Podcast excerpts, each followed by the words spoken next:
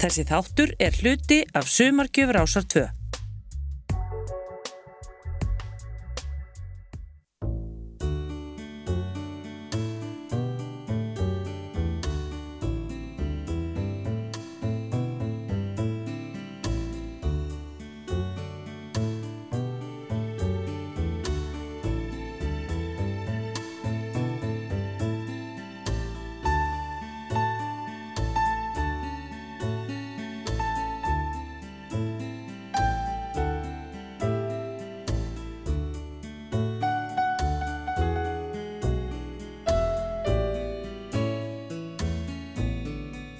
Valgeir Baldursson fættist 29. mars 1944 í Keflavík, þar sem hann ólst upp. Við förum yfir feril þessa fjölhæfa tónlistamanns í tveimur þáttum í tilefni af því að um þessa mundir eru 60 ár síðan að fóra að vinna fyrir sér sem tónlistamæður.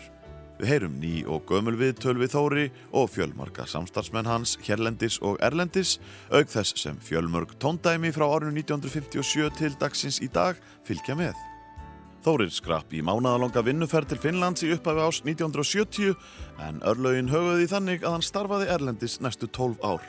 Hann byrjaði á Norðurlöndum en fór þaðan til Þýskalands og endaði útráfsina í Bandaríkjunum og stæstur hluti þáttana fyrir það að rifja upp þessi 12 viðbörðaríku ár Þóris í útlöndum. Meðal þeirra flytjenda sem koma við sögu í fyrirhluta þáttarins og tengjast Þóri á einn eða annan hátt eru Savana Trio, Dátar, Hljómar, Heiðusmenn, Ævintýri, Þrjú á Palli, Nílsmenn, Nína Lísell, Lee Hazelwood, Marja Baldurstóttir, Abba, Amandu, Rolling Stones, Giorgio Moroder og Donna Summer. Gunnlaugur Jónsson aflæði heimilda og tók viðtöl en ég heiti Ásker Eithórsson og við félagarnir sáum um dagskrátgerð og samsetningu. Þórir er sonur Margreðar Hannesdóttur og harmonikuleikarans Baldus Þóris Júliussonar og það er óhætt að segja að málsátturinn snemma beigist krókurinn eigi vel við um uppvakstarár Þóris. Já, já, pappi spilaði á harmoniku og hann spilaði á böllum og var svona svolítið aktífur í þessu. Og ég man fyrst eftir mér á njánum á Garðavegi 2 þar sem við byggum, þá var ég held í sjö ára, þá lág ég á njánum með að spila á harmonikuna hans eða þú veist, reyna að spila á hana sem var til þess að þau keiftu handa mér litla harmoniku og uh, þegar ég var átt ára þá var ég farin að spila fyrir krakkana í begnum úr skólanum á litlu jólunum og svona sem voru miklar hátíðir í barnana augum sko.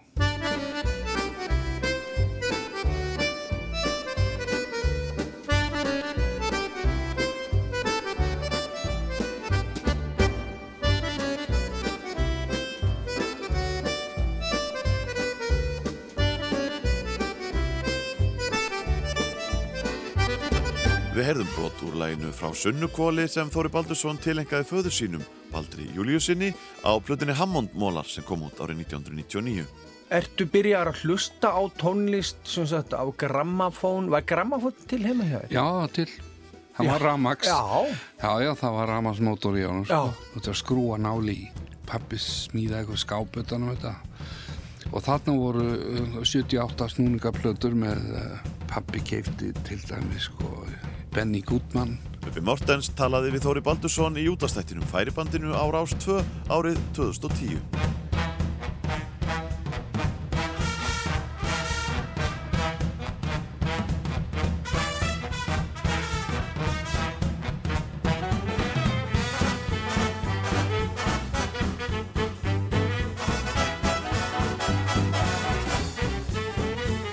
Þórir fór ekki varhluta á nálæðinni við bandaríska herin á keflauguflugvelli, frekarinn aðrir sveitungar hans og útvarstöð varnarleysins sem aldrei var kölluð annað en kaninn naut mikill að vinselda. Kaninn haf, hafði sinn sjarma sko. Ég, ég leita ekki eftir hennu. Nei, þú bara kveiktir. Ég bara kveikta og, og, og meðtók það sem var í loftinu. E, jú, það var náttúrulega country músikinu höfðaði til mann sko. Oh, give me land, lots of land under starry skies above. Don't fence me in. Let me ride through the wide open country that I love. Don't fence me in. Svo byrjaði Presley náttúrulega að koma fram sko í útarpinu, hvað held það að vera, 56? Well, since my baby left me, well, I found a new place to dwell. Well, it's down at the end of Lonely Street, that heartbreak hotel where I'll be. I'll be just a lonely baby. so lonely. En hvað er verið að spila í íslensk útvarpinu? Var eitthvað bitastætt? Já, já, já, mikil ósköp sko. Þa, það má ekki það má ekki vannmeta það og, og ofmeta uh, kanan sko. Nei. alls ekki það var margt gott í, í, í íslenska útarpinu líka og ég lá yfir því alveg eins og ég gatt ég var svo lánsamur að, að, að fá aðganga segulbannstæki mjög snemma og ég tók upp það sem var í útarpinu Bæði, Já, hvernig var það? þætti, þetta, var, þetta var lítið svona úher eitthvað Já.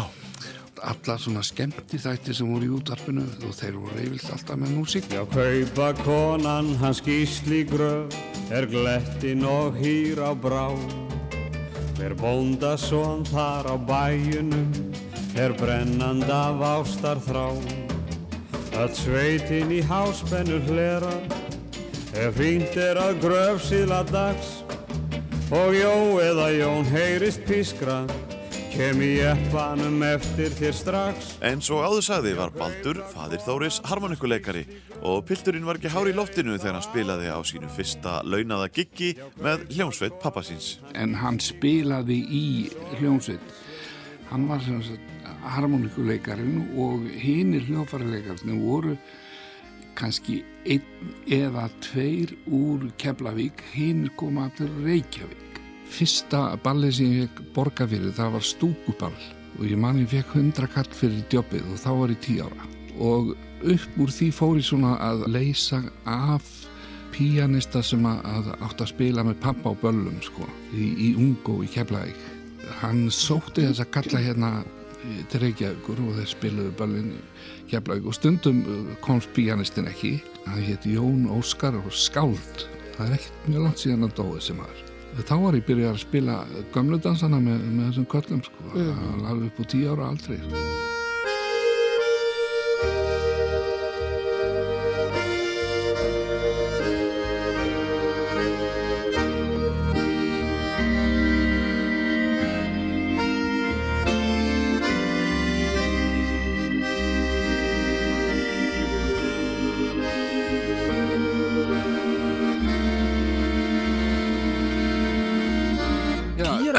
að spila með pappa. Já. Segðu mig frá þessu, þetta er magnað. Það voru náttúrulega félagsfistir og, og slíkt á 50 í, í, í Keflavík í Ungó og um, þá oftar en ekki spilaði pappi og, og ég með honum þá á piano, hann og Nikku og ég, leisti líka stundum af um helgar þá var hérna pappi í, í, með hljómsveit, þá voru kallar í hann á bænum Pappi Þóris sá um að sækja félaga sína í hljómsveitinni til Reykjavíkur fyrir börlinn í Keflavík.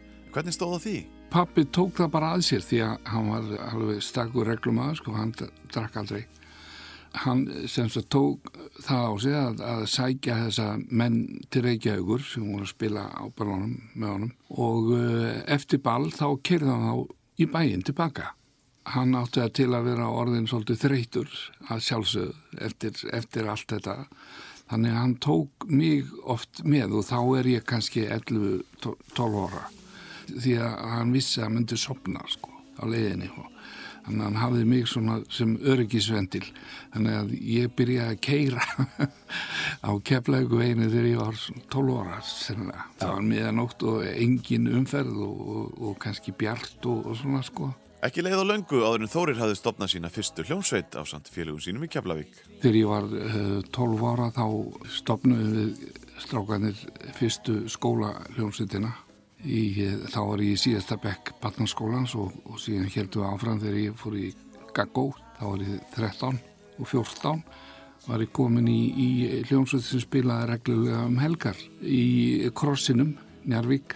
Það var einn aðal samkommustæður þarna Suðun og sjó.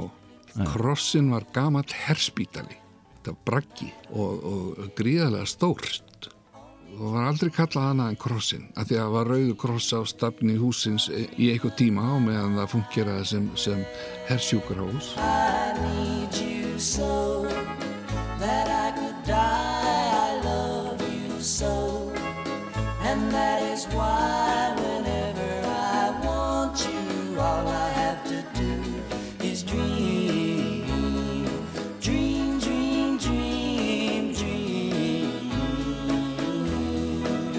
Fyrsta hljóðritunin sem Þóri Baldursson gerði var upptaka fyrir Ríkisútarpið 1957 þar sem Þórir spilaði á piano og Einar Júliusson söng Kei Sera Sera.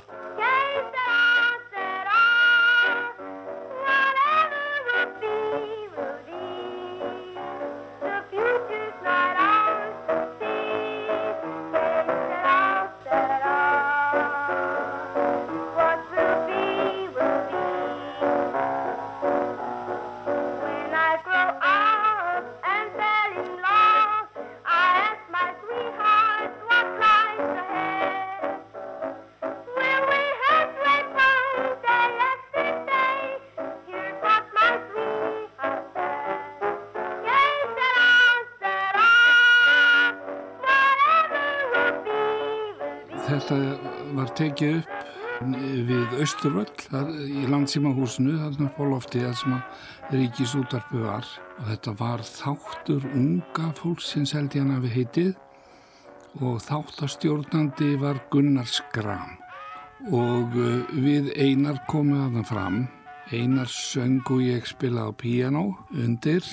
Og lægið var Kesera Kesera sem að hérna, Doris Day hafi gert heimsfrækt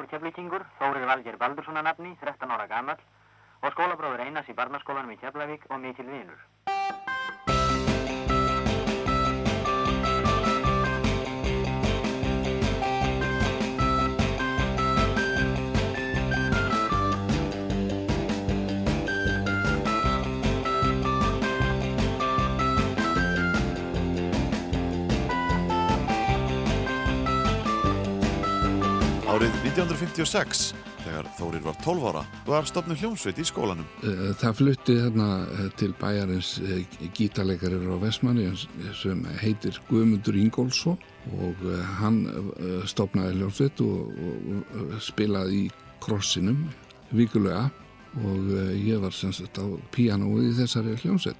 Meðri viku þá vorum við eh, kannski upp á flugvelli eða svo bara undir spilað fyrir galan. Það var svolítið sérstakt sko að spila upp á flugvelli sko, maður, þessi klúb, þetta er eins og lítil Ameríka, þetta er svona þverskurður á Ameríku eins og völlurinn var. Og svona eh, nýtt að koma inn, inn á stað þar sem að maður fann svona lykt af bjór og steiktum hamborgurum og þið veitir, eh, þetta blandaði saman sko, þetta var allt öðruvísi nýri Keflavík, meina, þá, þá var allt önnur lykt sem að mætti mann í andrinu þar sko, klósettum voru alltaf í andrinu á þessum stöðum sko, þessu krossinum sko. Og unga þetta ræðileg umgengni náttúrulega. Já. völlurinn var svona útland sko Hljómsveit Guðmundar Ingólfssonar gerði það gott árið 1958 með nýfemdan Þóri Baldursson innan bors en aðri liðsmenn sveitarinnar áttu heldur betur eftir að koma við sögu í íslensku tónlistarlífi næstu ár og ára tugi. Þetta var svona 5-6 manna band. Þarna var Guðmundur Ingólfsson á gítar, æsku félagi minn Eddi Kristins á trommur, Einar Júliusson, jafnaldri minn, söng, Engibert Jensen, söng og handafunnu kennarinn okkar, Elgur Jónsson, alveg stórkostlegur listamaður í höggmyndum og, og eh, hann kennir við listaháskóla í Nóri núna. Hann var á bassa og e, þá var nú ímsi fleiri sem komu við sögu setna meir eins og uh, Rúnar heitinn Gjórsson saxofónleikari, vinnu minn. Það var ekkert verið að semja neitt eða leið, það var bara Only You og, og rocklögin þegar þau komu sko. Only you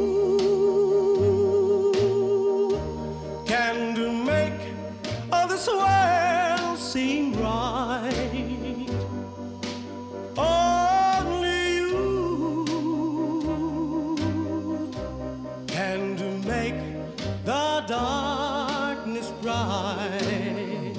Ég var náttúrulega bara eins og hverjanar úlingur undirbúa ferminguna og svona en ég gætt keift sjálfur á með fermingagala því ég hef búin að þjena peningar sem að fóru undir uh, lökin og í skápnum hjá mömmu sko. þar fóru selarnir undir í geimslu og það var uh, sjóður sem oft var gott að leita í og, og bæði ég og fóreldrar mínar mínir fengur lána hjá mér stundum sko. Sagði Þórir Baldursson í viðtali við Andra Frey og Gunnundís í útastættinum virkum mótnum ára árs 2 árið 2012.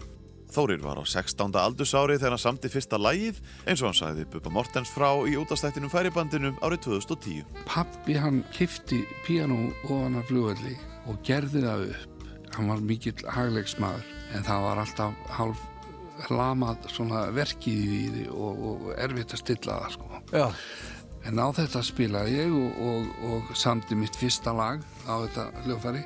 Það er til í dag, ég tók það upp á plötu sem ég gerði fyrir nokkrum árum og heitir Hammond Mólar og það heitir Sunnubraut Seitján. Mér minnir að pappi hefur alltaf búrið Seitján fram sem Seitján. Pappi kom frá Dalvík ég veit ekki hvort það er einhver máliska þar en í minninguna er það Seidján þessi diskur til einhver pappa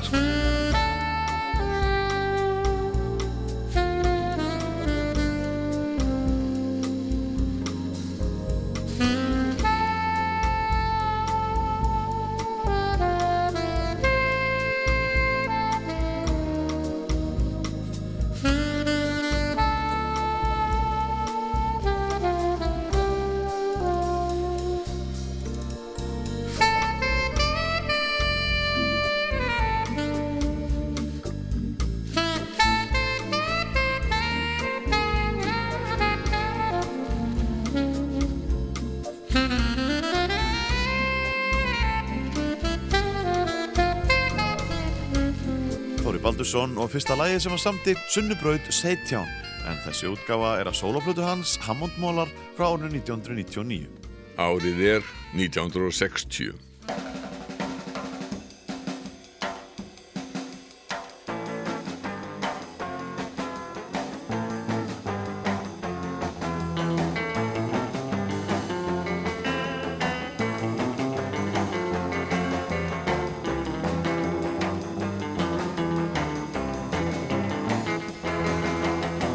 Þóri Baldursson lauk landsprófi vorið 1960 og hugurinn stemdi til Reykjavíkur. Ég, ég kláraði landsprófið mun auðmundu þó í, í, í Keflavík.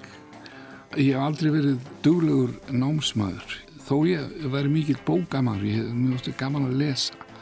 Ég var afskaplega latur bækurnar. En ég komst í gegnum uh, landsprófið og uh, það var náttúrulega draumur fóraldrarna að ég myndi halda áfram námi og þess vegna fór ég í mentaskólan í Reykjavík. Það var svona vendipunktur í, mínu lífi náttúrulega að komast það heima 17 ára og fara að sjá hann sig sjálfur og vera ábyrgu fyrir sínu eigin lífi.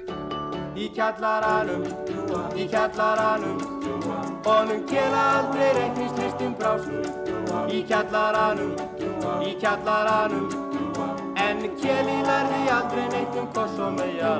Þórir var ekki fyrir komin til Reykjavíkur en hann var farin að spila með hennum eina og sanna KK-sextett. Það var þannig að píjónuleikara þeirra, hann sem var þá Þórarinn Ólásson, spilaði í symfóníuljónstinni á, á 50 dögum. Hann var flauturleikari þar.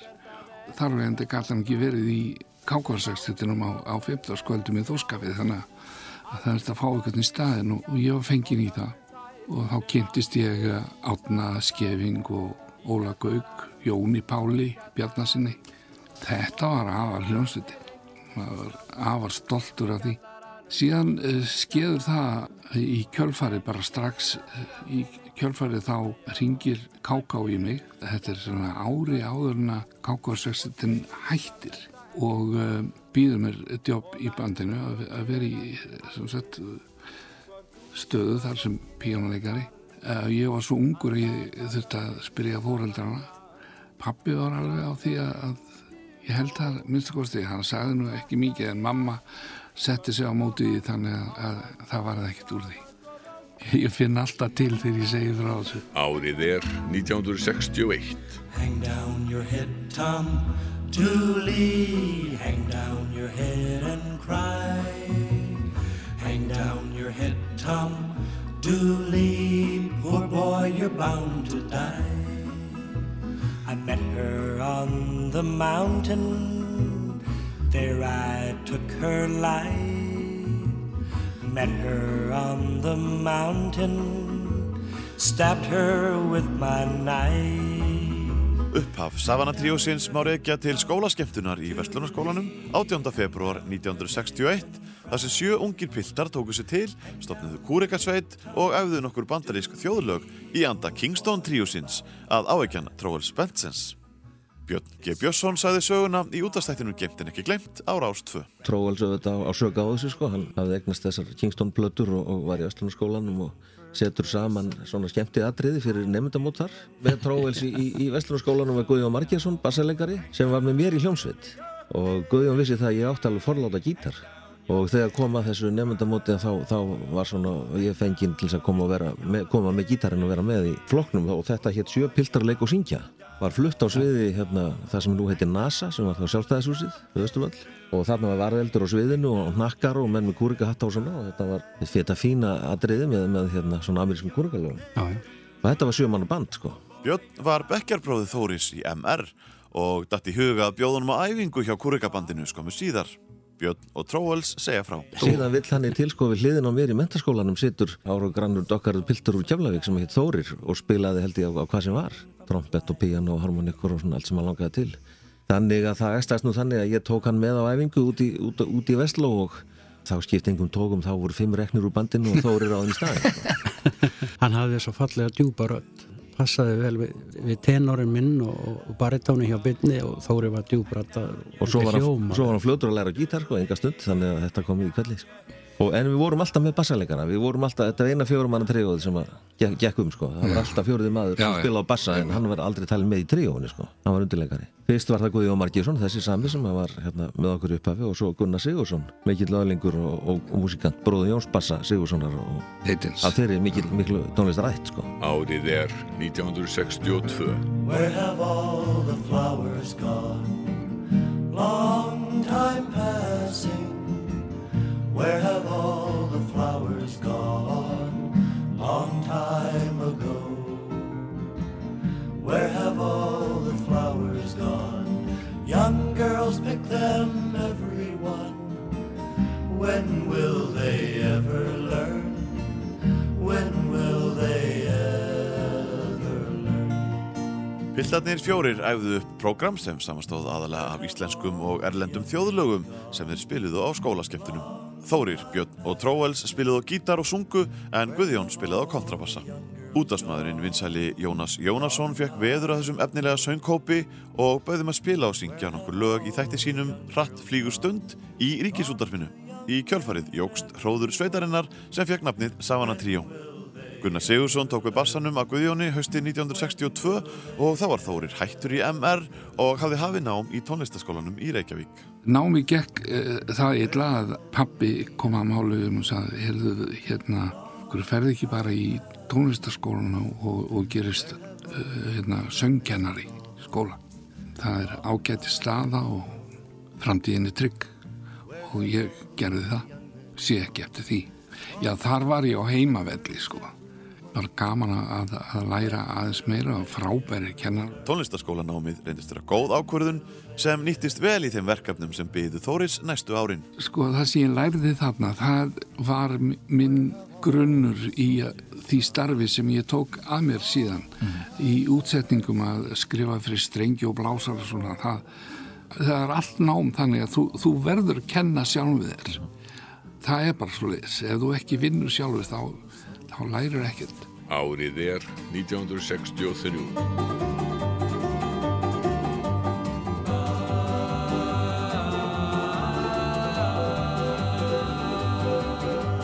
Ríðum, ríðum, rekkum yfir sandinn, rennur sól á bakvið Arnarfell.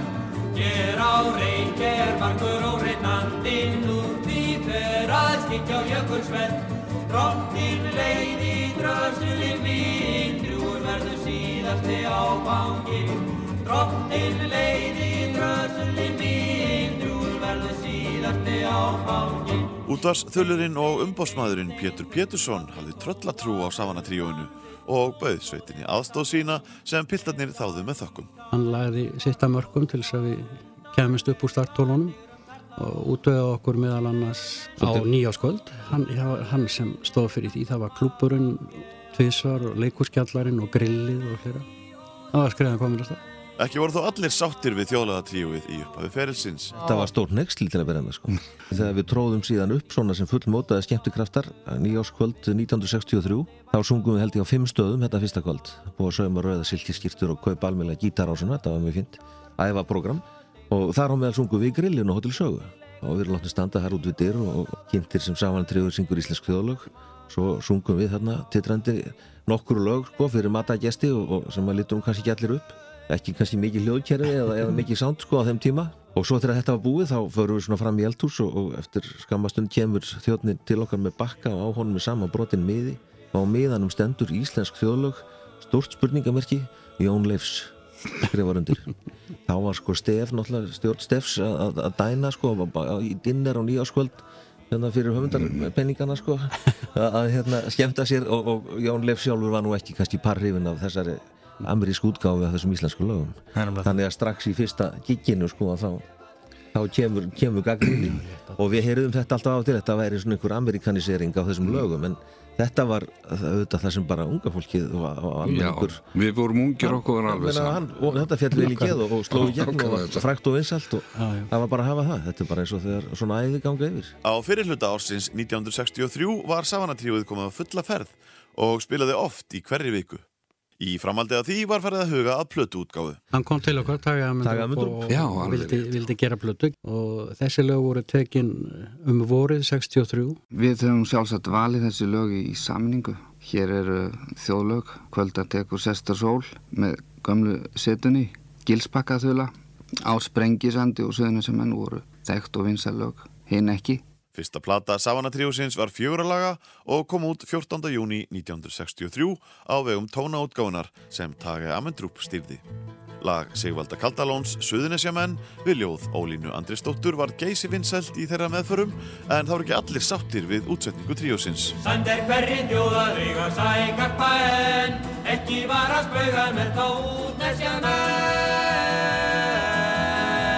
Sagt hefur það verið um Suðunesjamenn Vastir sóttu sjóinn og sækanen Nú, okkur fannst fólk taka þessu mjög vel. Eftir því að dæma hvað við vorum eftir sóttu skemmtikraftar þá hlýtur þetta að falli í góðan jarveg þó að menn hafi nú kannski svona einn og einn mótmælt sumir munlega en eitthvað eigum við nú til að skriflega mótmælum yfir, yfir þessum út, útsetningum. Við fengum ákúrur fyrir að vera amerikaniseraðir og sumir segja að við höfum eðalagt söðunisum enn fyrir lífstíð því ég held að flestir syngi þetta þetta dag, dag eins og við gerðum að því að draga seiminn í, í, í lokin. Þórir sáum útsetningarnar og, og við höfum æfingar á förstum tímum á, á svo og svo marga daga í viku og svo bara lagði hann bara nótur á borðið fyrir okkur sko. Það var náttúrulega var, var í tónlistaskóla og, og var, var að tónmentakennari og svo fer hann yfir þetta með okkur, við lærum okkar rættir og við fylgjum nótunum og þetta hefur alltaf verið þannig. Og alltaf reynd að gera þetta svona af alvöru og, og hafa þetta svona svolítið fullorðins. Þetta voru, voru verkarskipting sko, Tróvels hérna, sá, sáum að reyka þetta, þetta fyrirtæki meira og minna og það er dagbækur allar til hver var sungið og hvað var mikið borgað á hverjum stað og það er allt pottjætt og klart sko. Og hann mann er hann að vera allt sem gerðist frá þessum tíma. þá var ég svona látum grína inn á villistöndi Martin sótti sjóinn og sækjanen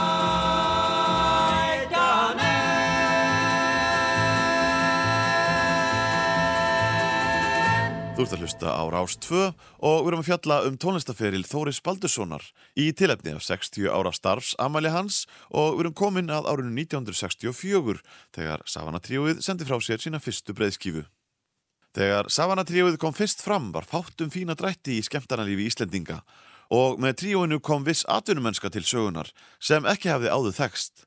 Meira var lagt upp úr framkomu og fáun tónlistarinnar sem flutt var og í kjölfar Savanatríusins kom fjöldin allir á skemmtikröftum sem fór sömu leiðir, sagði Átni Mattiasson í grein í Morgonblæðinu 1988. Árið er 1964. Östan kaldinn á oss bjess, um skal faldi draga,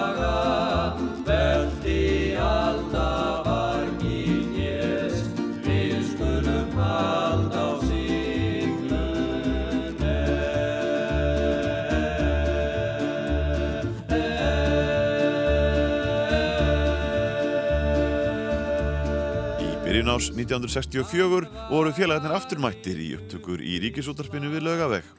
Upptökumadur var Úlvar Sveinbjörnsson en hann var yngsti tæknimaður ríkisútarsins þegar hann hóf störf árið 1960. Í þá daga voru tæknimenn útarstillaðir magnaraverðir en Úlvar var líka á þessum tíma umsjónumadur þáttarins lög unga fólksins. Hljóðrituð voru fjögur lög fyrir litla plötu sem var gefin út hjá tónaútgáfinni í byrjun apríl. Eitt lagana var Austan Kaldan á Órs Blés, Íslands þjóðlag við texta Arnar Arnarssonar. Ekkert tæpi tungumál talað yfir fylltri skál. Þá var stundum hleið hátt, nútum kastað leikið grátt, nefar látnir semja sátt, sínt hver átt í köglum. Nú, uh, þetta er náttúrulega framhald af þeirri fyrri, menn þóttust hafa þroskast svolítið. En uh, kannski er aðtillisvert við þessa plötu að við vorum að, að leita af arftaka Sprengisands og, og Suðunisamanna. Minnist þess í sambandi við eitt af þessum lögum sem á plötun eru. Heitir Bjarni bróðir minn, eða Bjarni Sálugi bróðir minn, gamall húsgangur. Hann Bjarni sálu ég bróðir minn sem burt somnaði um veturinn Sem burt sofnaði um veturinn Hann verðar út af nesi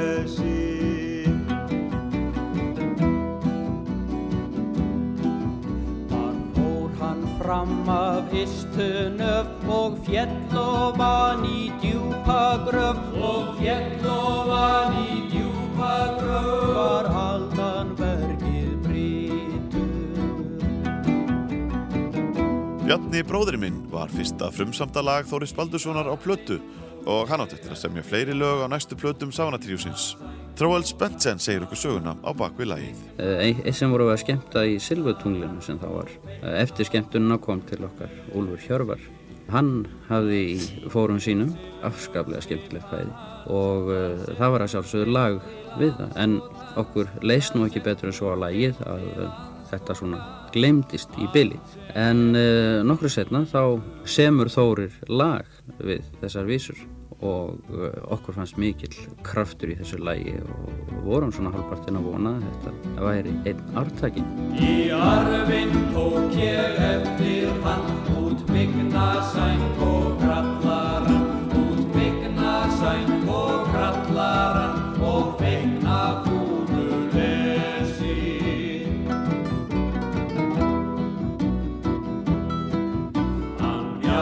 Bjarni sálu ég bróðir minn sem burt sofnaði um veturinn sem burt sofnaði um veturinn hönd verðar út af nesi Ég held að það var nú bara uh, reynlega verið að þörf sko, okkur vantaði til dæmis lag við allra flagða þölu sem okkur fannst skemmtileg. Við fundum enga melodíu við það í þjóðlögum eða bókum neinstæðar þannig að uh, það lá beinast við að ég myndi bara setja saman einhverja, einhverja línu og, og á þjóðlögum nótum sko.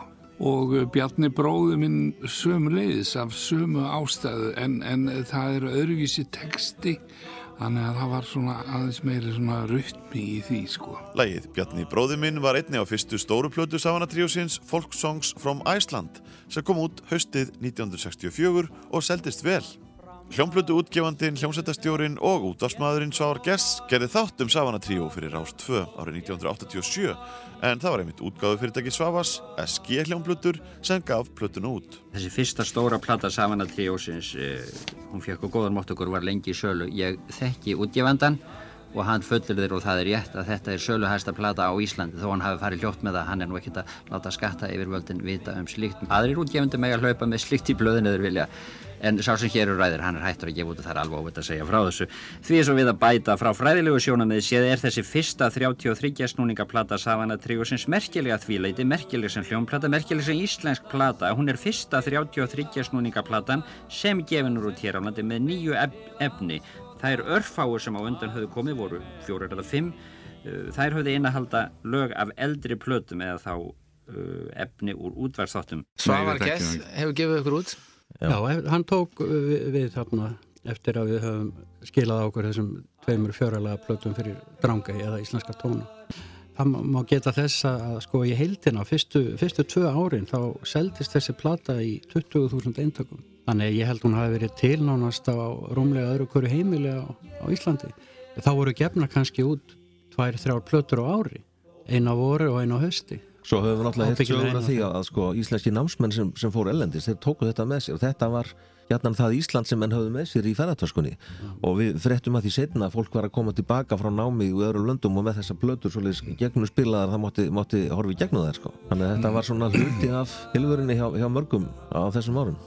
Þessari fyrstu plötu Savana Tríósins var greinlega ætlað að höfða til erlendra tónlistaráhuga manna en það var titillin á ennsku og í auglýsingu frá SG hljómplutum fyrir jólinn 1964 var tilgreint að platan var í sérstaklega heppileg plata fyrir erlenda kunningeiðar. 13 þjóðlög á einni plötu, íslenski textar og lagaskýringar fylgdu með og ennskar lagaskýringar væru á plötuumslægi. 6 af 13 lögum plötunar höfðu einni komið út á fjórulega plötunum en eitt af nýju lögunum sjö var útsetning Savana Tríósins á þjóðlæginu síkilda Hætt að gráta hringan á. Hættu að gráta hringan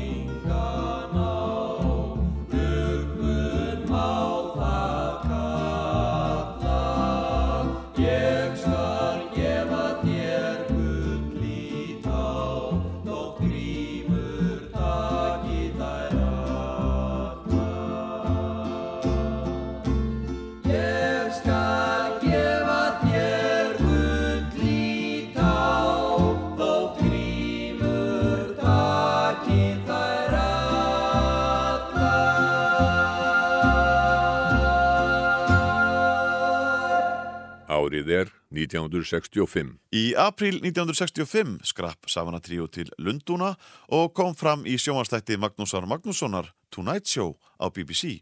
Það sem tríóið leik og söng fyrir 22 miljónir sjónvasárunda og fekk að launum 84 stellingspund. Ferðin þótti hafa mikið auðlýsingagildi fyrir flugfélag Íslands sem sá sér leik á borði og myndaði bandið í bak og fyrir á leiðinu út.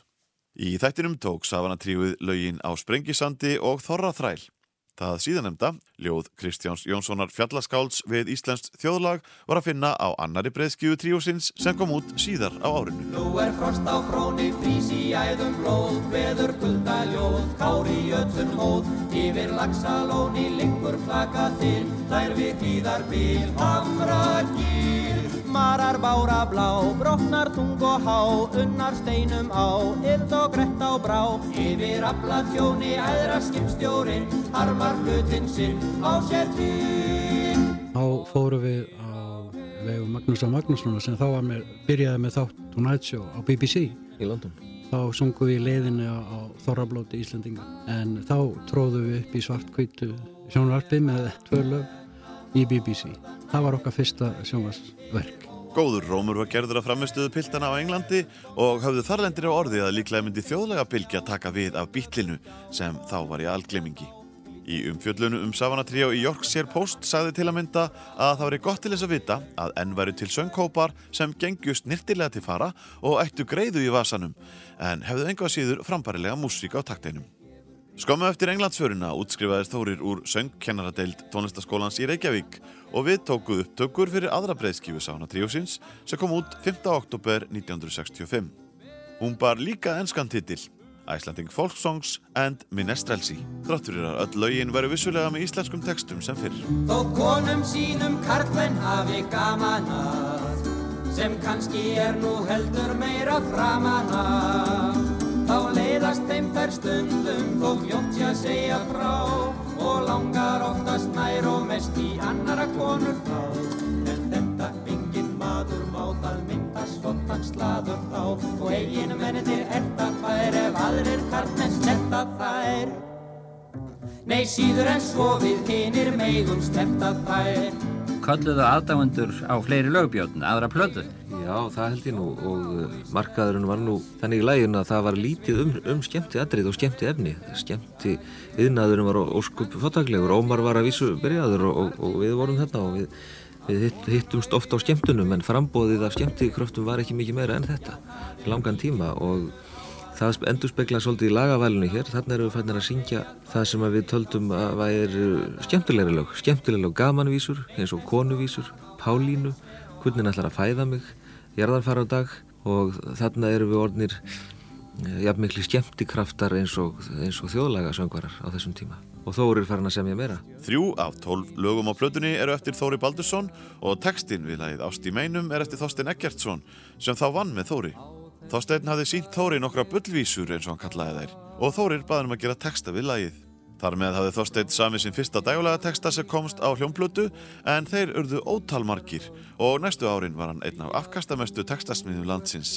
Samtið með hans texta fyrir hljóma, dáta, flowers og trúbrót svo örf á dæmisjöu tekin. Ég veit að heitbundin þú öðrum manni ert.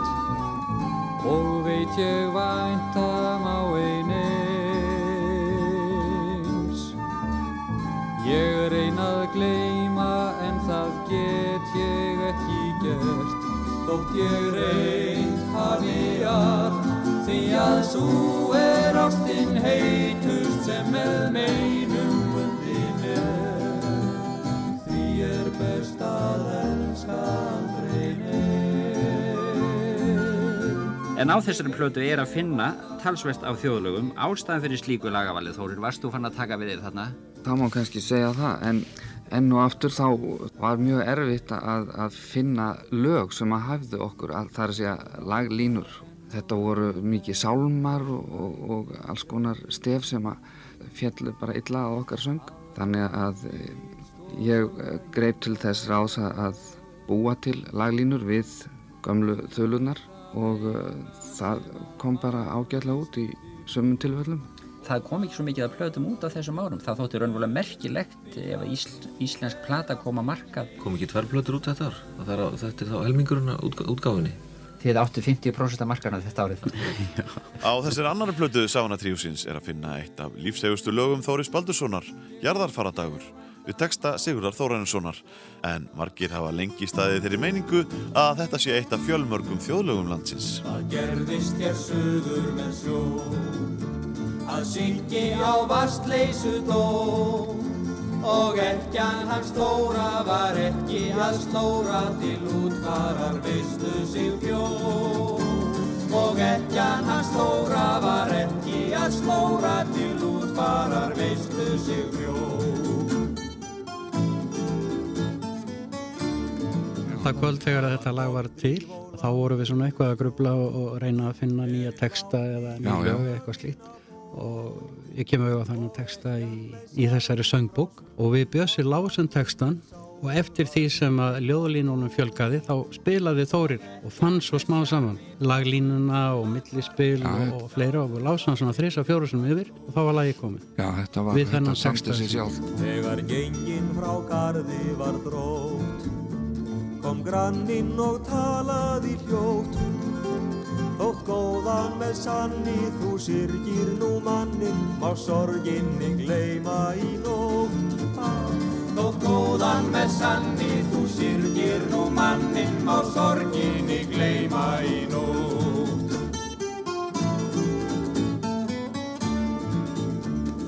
Þóra sagði því skal ei leint að þetta er fallega meint. En sorgina ég misti er ég kistu smiðin kisti þú kemur því góði of seint. En sorgina ég misti er ég kistu smiðin kisti þú kemur því góði og sögn.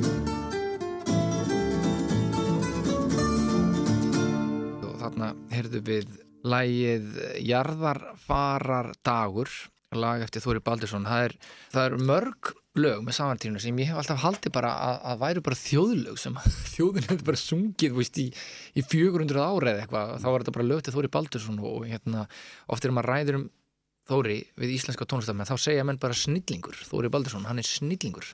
Þetta er lag hélt ég til dæmis alltaf að væri bara eitthvað svona gamalt íslenskt þjóðlag. En þetta samtið þú bara Þóri Þetta eru kannski fyrst og fremst uh, þjóðleg lög frekar en þjóðlög.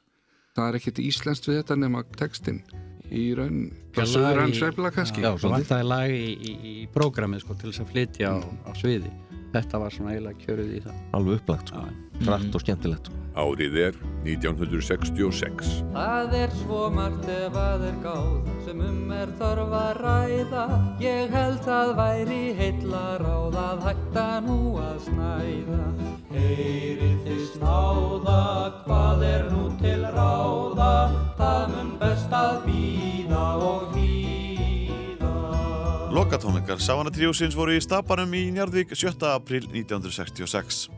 Bandið hafði þá starfað linnulaust frá ársbyrjun 1963 og komin var þreita í hópin. Já, þetta var náttúrulega búið að vera mjög intensífu tími, stuttur þetta, tími. Þetta, þetta kvöld sem að þessi ákvörðum var tekin, það var í Stabanum í Keflavík, þá höfðum við tróðið þar upp á einhverju ár, ársatíð.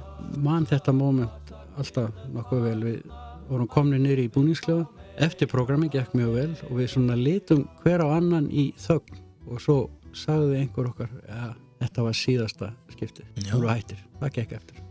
Þrátt fyrir að tríóið hafi hætt að koma fram á tónleikum og skemmturum viðsvegar um landið voru piltarnir hvergi hættir að gefa út plötur og þegar sjónvarpið hóf göngu sína 30. september 1966 fekk Savana tríó þann heiður að leika í sjónvarsal fyrsta kvöldið.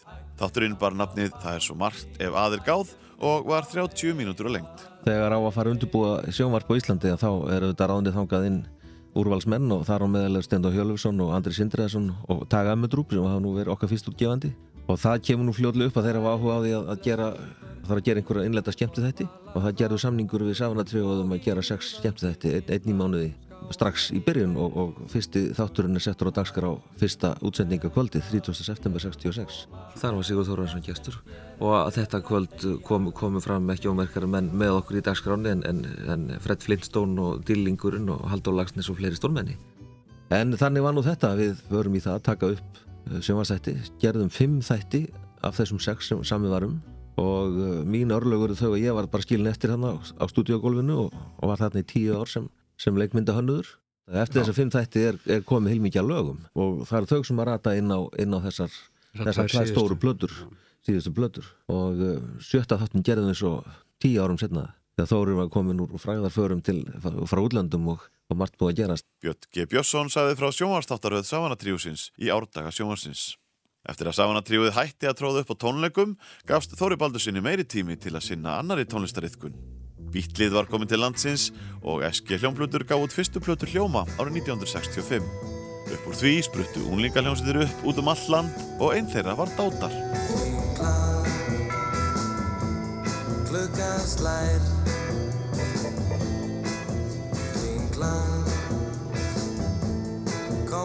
Nær Klingklang Og í kvöld saman einn Klingklang Færa mær Sumarið 65 þá var ég að vinna á lýsingarstofu á laugaveginum. Þannig komuðu strákar, þeir sem hefur verið valdir í hljómsveitina, því að Þráin Kristjánsson sem var sölufulltrúi hjá okkur og Þóri Baldursson sem var teiknari á samt mér. Þeir voru búin að velja hana þessa fjóra stráka í þessa hljómsveit og þeir komuð hana og ég tók strax eftir hérna, þetta var svolítið vel valinn hópur af því þetta voru strákar sem var sko, maður myndir strax eftir þeim, daginn eftir sko. Þeir voru hver með sín svona persónuleg engin og svo framvegis. Þorstein Eggertsson rifjaði upp upphafið að hljómsveitinni Dátum í þættinum Íslenskar góðsagnir á Rás 2. Þorstein vann á þessum tíma hjá auglýsingaþjónustunni á laugavegi 47 með Þóri Baldursinni og Þráni Kristjánsinni sem var eins konar umbóðsmaður hljómsveitarinnar. Þórir rifjar upp. Bróðir Þráins, Hilmar Kristjánsson, gítaristi og hann langaði til þess að spila í hljómsveit og Þráin mjög aðtapna samar og, og klár strákur. Hann sagði, ok, þá stopnum við bara band og svo e, með einhverjum hætti þá náðan í eina görina þegar þeir saman, bræðinir og úr var þessi ljónsveit dátar. Við þráinn og við tengdi líka svolítið í gegnum móður fjölskyldum mína. Þannig að við þekktumst vel og hann náttúrulega vissi hvar ég var startur í músík og bað mig um að aðstóða strákana að gera plötu.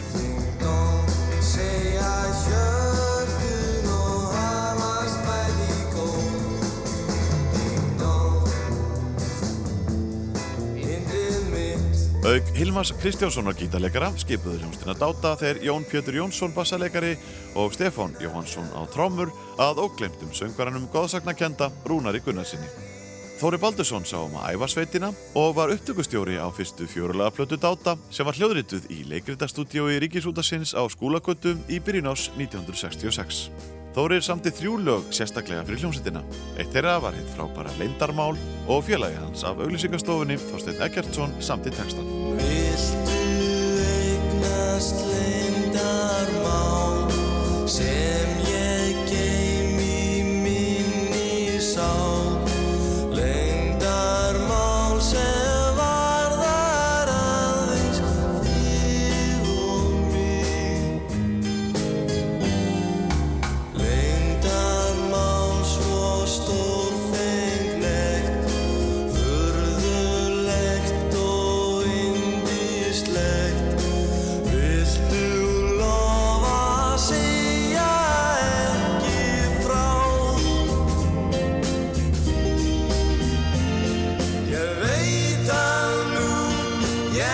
elska þig Og ég veit að ef þú elskar mig eins mikið Og ég dái þig verður þú Áallt góðu mig. Þá að lokum ég mun eignast þig. Þráum að aldrei ítinn, hann var kunningi minn, hafði þekkt hann í nokkur ár. Og hann fekk mig til að gefa út uh, þessa fyrstu plötu dáta og þá komst ég að því þegar ég fór að hlusta á það, mér fannst einhvern veginn að þeir væru svona kraft meiri hljómsveit heldur en hljómar. Þetta var svona heldur, heldur fínna hjá hljómum en, en þarna var krafturinn og, og, og rockið, það var svo mikill kraftur í dátum og það fleitti þeim áfram fannst mér og þetta voru út af fyrir sig ekkit alls ekkit ómerkilegur lög heldur en það sem erlendar hljónsveitir voru að láta fara frá sér á sínu fyrstu plötum Svavar Gess, útgefandi Dáta, rifjaði upp hvernig kom til að hann ákvaða að gefa sveitina út. Á þessum tíma var hljómsveitin hljómar á hans vegum og hann var efins um að gefa út aðra íslenska bítlahljómsveit.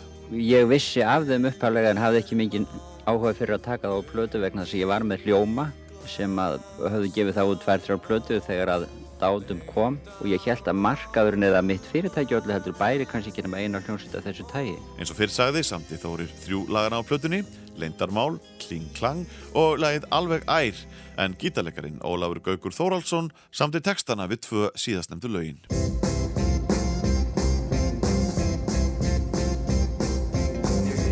Litlu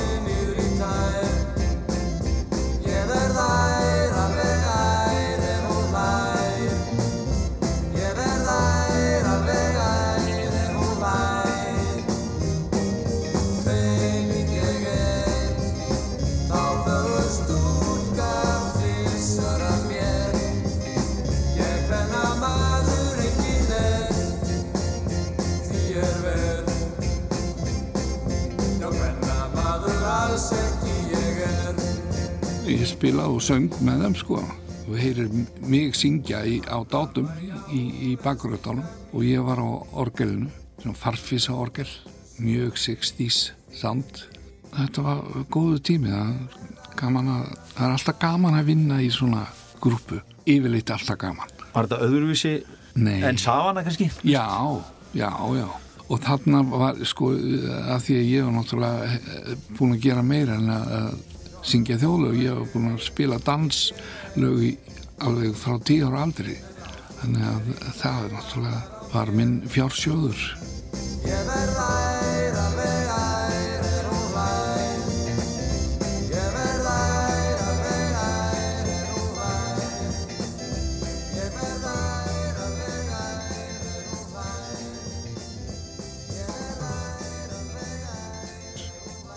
Árið er 1967. Í miðkoti pervisinn veikir bjó.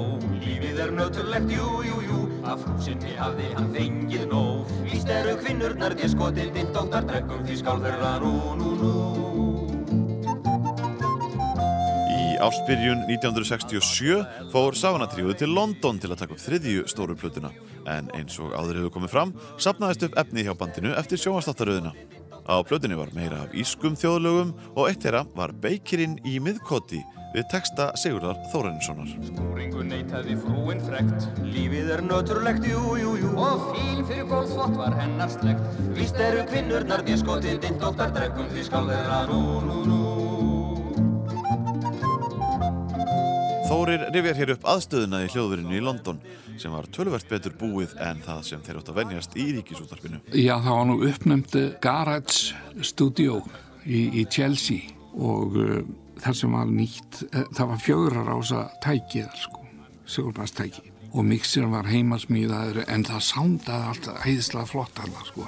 Og svona það var, það var annar blæri þessu heldur en við áttum að venjast úr ríkisútarpinu hérna nýra skólugöndu á salnum þar sem allt var tekið upp. Einlega allar íslenska plötu voru teknar upp þar á þessum árum sko. Við byggum hann á hóteli og vorum sóttir og, og London og all trafíkin og fólk út á götu með hljóðferð að, að spila því að mann eittir einni hljónsitt já en þá mynda þessu. Þetta var mjög framandi, já, það var það. Pöppar á hverju hodni sko og um, í hátíðinu er gert klíð og fara á pöppin og fengið sér eitthvað að borða, eitthvað samloka eða eitthvað með bjórnum og þetta var ekki íslenskt. Trífunu til aðstóðar var breskur bassaleikari, Bill Sutcliffe og upptökumadur var Tony Russell. Tony var kontakt aðili Svavar Skess, hafði séð um einhverju upptöku fyrir Svavar og hann sá meðal annars og útsettu plötununnar Ellier sem hún söng rosalega flott plata en þetta var bara mjög uh, þægilegur pásunleikari útsettjari með alls kegg Ísland heitir Eyjaber úr gumla minn hriðjum staðsett þessi Eyja er á allans hrygnum miðjum. En þá gerast undur stór á Ísaköldu landi og þau mest er úvinn sjór, eldi spýr og sandi. Platan fekk heitið Ég ætla heim og kom út um miðjan mars. Rétt eftir að sjónvastáttur sána tríósins, fast þeir sóttu sjóin, var síndur í sjónvarpinu. Þórir samti tvö ný lög fyrir plötuna. Við heyrðum brot úr Sjöstsegjarímu en hitt lagið er hinn langlífa dægulega perla Brúðarskórnir við ljóð Davís Stefánssonar frá Fagraskói. Ég átti heima upp á Háalitisbrödd, nána tildekið nr. 54 í kjallaranum og uh, var sem oftar að undirbúa eitthvað, sennilega höfum við verið þá að undirbúa þessa plötu. Var að fletta í gegnum Davíð Stefánsson og þetta var eitt af þeim uh, ljóðum sem að reyf mig fyrir það hvað þetta er einfalt og, og hittir beint í mark og um, lægið það varð til á mjög auðvaldan hátt það einlega samti sig sjálft við þennan texta. Lægið er líka einfalt. Er þið ekki samála tróður og björn? Er þetta ekki eitthvað besta lag Þóris? Þetta er allavega eitt af þeim betri. Alinn satt hún við öskustóna Hugurinn var fram á melum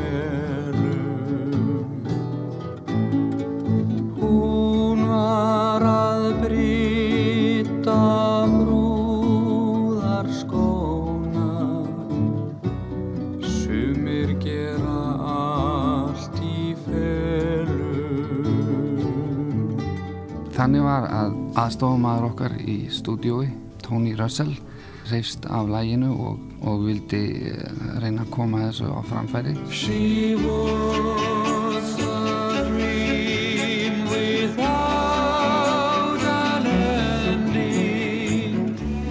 A book with only half a story. Og árangrum var sá að til var samningur við plötu fyrirtæki Dekka, tekna myndir og húlum hæ. Við vorum hérna í upptöku einmitt að taka upp þessa plötu og ég varð eftir í nokkra daga. Bætti þessum söng með þessum skrýtna framburði ofan á okkar undirspill Savana Tríósins. Síðan uh, bætti Tony Russell bætti fylgum við og slikt sem að koma setna í læginu.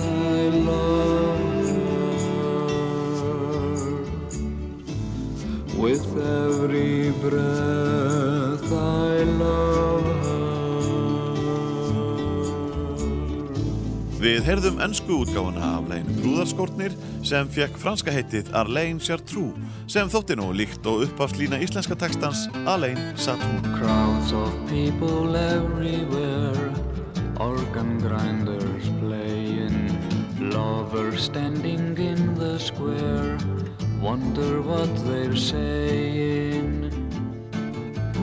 Is she asking him to stay? Does he make excuses? He has only come to say he'll do as he chooses. Time to go back to his work, painting toy tin soldiers in an empty basement store. Trouble on his shoulders. Þórir var því óvænt nokkra daga til viðbótar í London og söng lögin sín tvö á ennsku. Upptökustjórin Tony Russell kom þeim til hins heimsfræga útgáðu fyrirtækis Dekka sem leist svo vel á að Þórir fór heim með þryggjára samning í farteskinu. Það var útbúin samningur, já. Ég kann nú ekkert að segja frá honum. En að uh, ég kom heim með hennar samning og var eitthvað að líta yfir hann með vinnum mínum sem var búin að læra ennsku út í Englandi og hvoru var okkar hafið, eða ég skildi ekkert. En ég skrifaði undir samt. Platan kom út, já.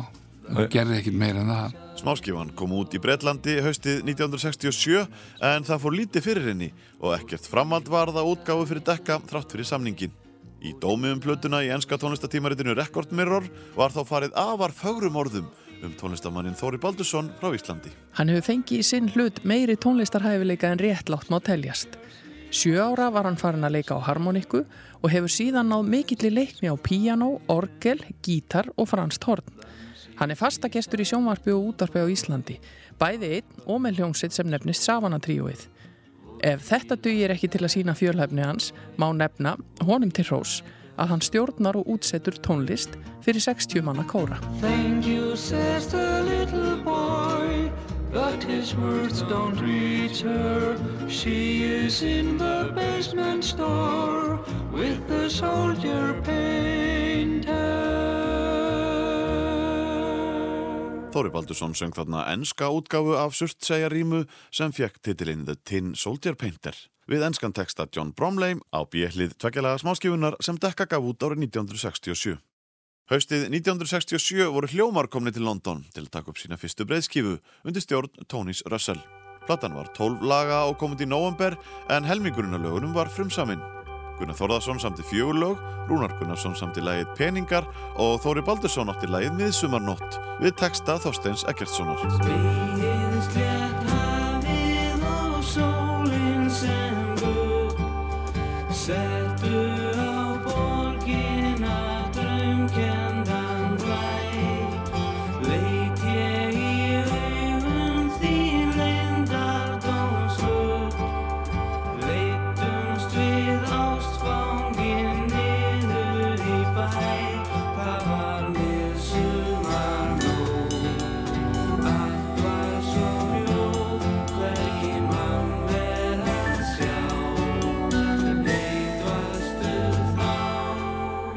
Er 1968. Eitt sem var ég ógiftur, eitt sem var ég frjáls og við áhyggjurnar laus.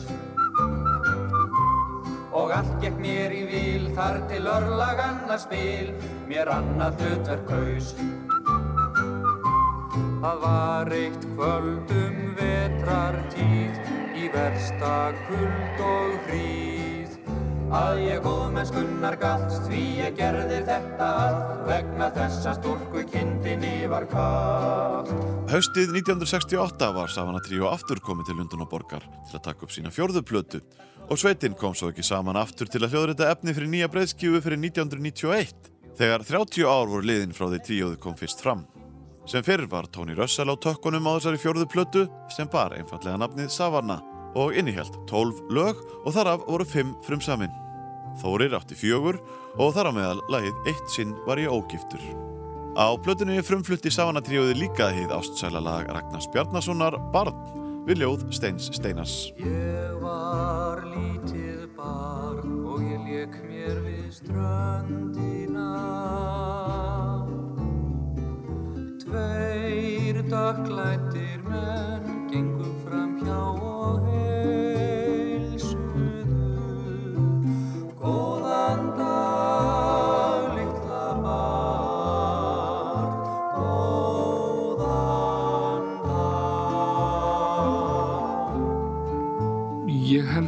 að eh, Svavar hafi óskað eftir því að við tækjum þetta lag, Savana Tríó. Þannig að ég útsetti það fyrir okkur og ég, bætti nú inn þarna svona hotnlínu sem að, að eh, sem var ekki orginal. Ég veit að þetta kemur rakkabjarna og óvart en ég held ég hafa nú sagt hún það einhvern tíman. Þannig að við eigum þetta svolítið saman við Raki. Þetta flotta lag. Ljóðið er náttúrulega alveg frábært. Þetta, þetta er lítið og einfalt og það nær til mann strax þessi, þessi laglína. Ég var lítið barn og ég leik mér við ströndina Tvö hlæjandi börn gengu fram hjá og kölluðu Gott kvöld,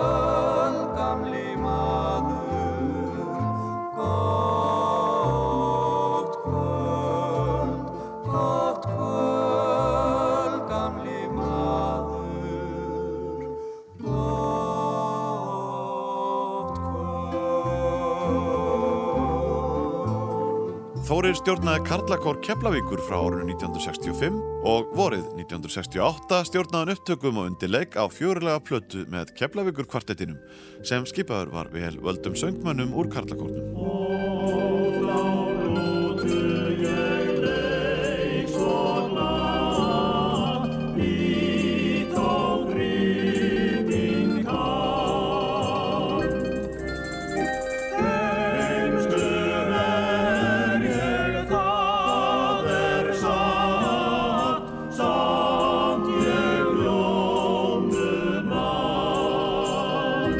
Keflavíkur kvartettin og brot úr læginu Bandúra af fjörulega plötu sem kom út voru 1968. Þórir var um tíma söngkennari í laugalækjaskóla og bauð auk þess upp á enga kennslu á gítar og ramasorgel.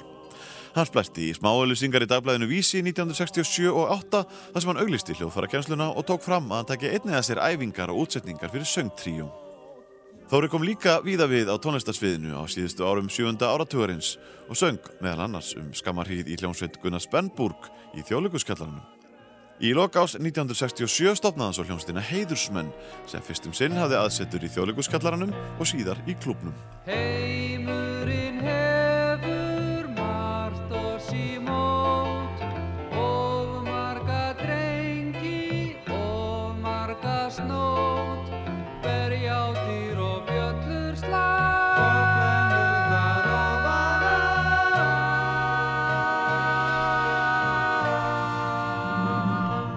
langaði svolítið í hljómborðið aftur sko eða piano eða hvaða nú var. Ég var nú búin að eignast orgel, Yamaha orgel með, með fótbassa, eina áttund af, af hérna fótbassa og að byrja að spila á þetta og var alveg hyllaður af, af þessu soundi.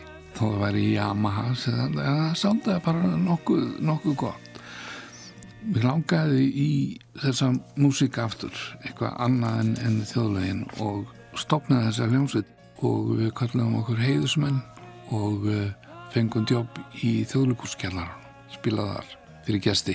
Þórir spilaði á hljómborð og söng en aðrir heiðursmenn voru trómalegarin Reynir Harðarsson, gítarlegarin Baldur Arn Grímsson og saxofónlegarin Rúnar Georgsson. Auk þess söng Marja Baldursdóttir, sýstir Þóris með bandinu um tíma eða þánga til hún var valin Ungfrú Ísland árið 1969.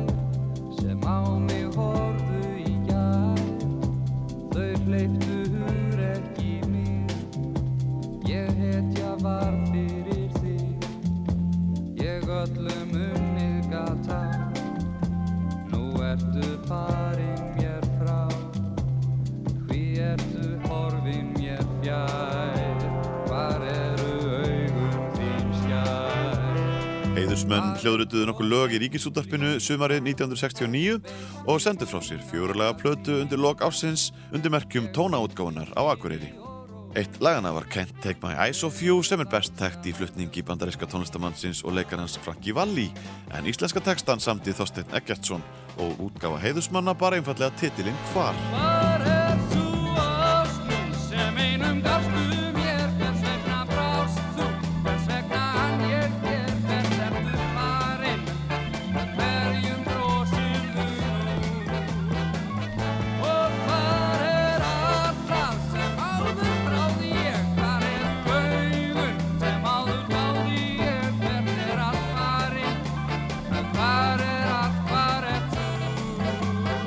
Það vakti aðtikli um vorið þegar Þórir fjárfesti í forláta Hammond-orgeli, sérpöntuðu frá bandaríkanum sem kostaði 354.000 krónur og morgumblaði sagði að trúlega verið þetta dýrasta hljóðfæri í enga egn á landinu. Til samanburðar kostaði mjölkulítrin 14 krónur árið 1969, um það byl 10 sinnum minna en í dag. Í viðtali við tímariti vikuna 10. júli sama ár sagði Þórir að það hefði þurft fjóra kraftajötna til að bera orgelið upp og niður hæðir ríkisútarsins og að með tilkomu Hammondsins þyrti hljómsveitin ekki á bassalegara að halda því petalatin á orgelinu gerðu sama gang.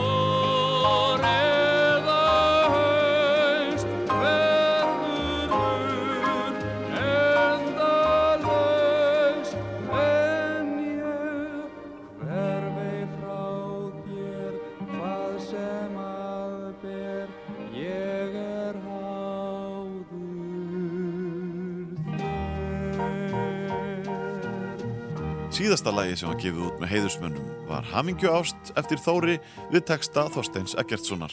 Lagi var tekið upp sömarið 1969 ásamt lögunum fjórum sem voru gefin út á litlu plötunni. Hamingju ást kom hins vegar ekki út fyrir en ári síðar á saplötunni Pop Festival.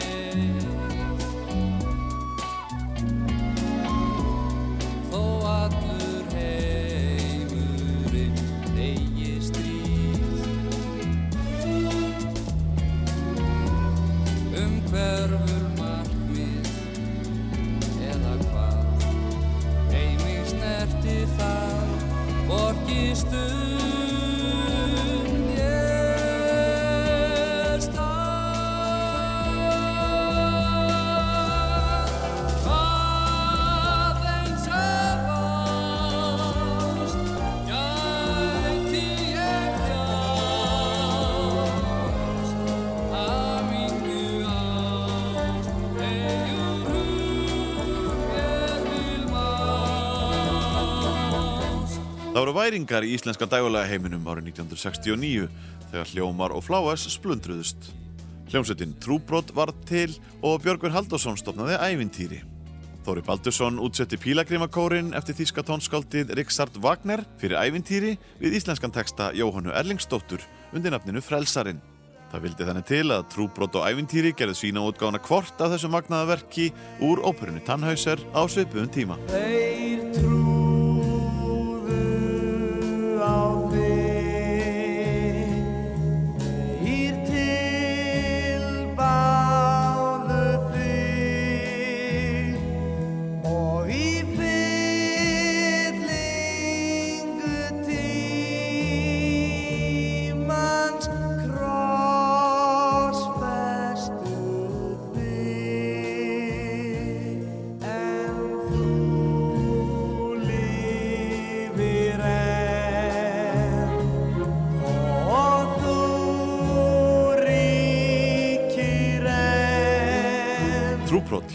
Vegar við útsetningu Karls Sigvardssonar sem hann gerði uppalega fyrir Flowers. En hvað kom til að Þórir útsetti þetta klassíska verk fyrir ævintýri? Ég held að Björgvin hafa haft samband um mig að þessum strákum og, uh, þá var ég að spila í klubnum. Við fórum yfir þetta lag saman.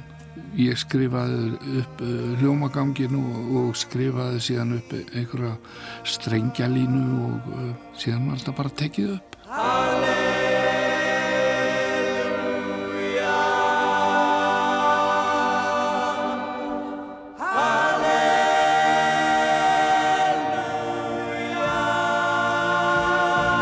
Ríkisúttarpið var ekki hrifið að því að poppljómsveitir verið að krukka í klassísk verk og bannaði flutning á báðum útgáfunum. Við getum staðfest að öll eindökin sem eru varðveitt í safnadeild Rúf eru algjörlega óspilunar hæf þar sem hliðin sem inniheldur lagi frelsarinn var rispuð með nýf. Það mátti ekki hrópla við neina þetta er alltaf heilagt sko, bara bull þetta er eins og menn mig ekki segja eða það er svo verið að hefta málfrelsi þegar að vera að taka svona fram í fyrir hend, hendunar á, á listamannum og þetta er það var ekki verið að meiða neitt ungi menn bara að, að tólka æðislega tónlist sem þeim þótti á sín átt hvað er að því? Undir lok ás 1969 fekk Þórir bóð um að fara til Helsingi í Finnlandi í mánuð á samt Maríu sýstusinni. Hljómsveit Karls Liljandal var að fara út sem skipti hljómsveit til Finnlands og hljómsveitin á þessum uh, uh, restauranti í Finnlandi var að koma til Íslands í staðin. Ég veit ekki hver fekk þá hugmyndum að við mæja kæmum með til þess að uh, brúa bílið í pásu þegar hljómsveitin hans Karls færi í pásu þannig í Finnlandi og uh, við stökkum á þetta jobb Þegar þarna var komin í sögu var helsta vandamálið hvernig Þórir ætti að koma hennu gríðarþunga og fyrirferðan mikla Hammondorgeli til Finnlands. Þetta var engin smá smíð þetta orgel. Rósalega þungt. Svo ég fór að pæla í leiðin. Var náttúrulega, sko, flug var ekki inn í myndinni, sko, þannig að það var ekkert um annað ræðin að fara í skip. Og ég fór neyra á skrifstuðu hjá Eimskip og uh, talaði þar við einhvern sem að um, bauð mér það að gerast farastjóri í jólaferð Guldfoss. Guldfoss fór alltaf um jólinn niður til Rotterdam og Hamburgar, Kaupanafnar og uh, þetta var svona jólatúr. Og uh, undum hafa orgelið um borðu ég spilaði fyrir, gesti og, og vera farastjóri. Og ég félst á þetta og orgelu var hýft um borð og skrúa niður í matsalinn eða salin, það var svona stór salur undir brúni og uh, þar var orgelu fest niður og, og ég uh, spilaði á þetta uh, leiðin yfir hafið. Og það var svolítið skrítið þegar, að ég skipið náttúrulega vald eitthvað, það var ekki tvont veður sko, bara þú veist og svolítið skrítið að spila en það, þetta vandist. Og ég líka uh, losnaði svolítið við sjóvíkina sko, eftir einn eða tvo sólaringa þá var þetta nú allt í lei sko. en þetta var skemmtilegu túr. Við, við fórum sagt, til þessar landa í Rotterdam og síðan uh, til Hamburger og þaðan til uh, Kaupmannhafnar og þar steg ég á borði með orgelið og uh, það fór í, í ferju sem að síðan flutti mig og, og orgelið til Helsingi. Þá var máli list. Árið er 1970.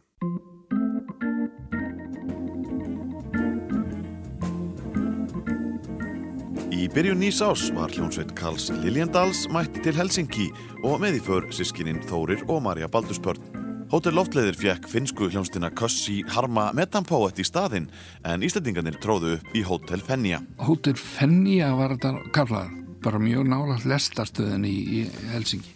Þetta var bara óskup vennilegur staður. Það var hlaðbor sem ég manna eftir mjög góðu matur og við byggum saman í lítilli íbúð hljónsveitin og þetta er ógleymalegu tími.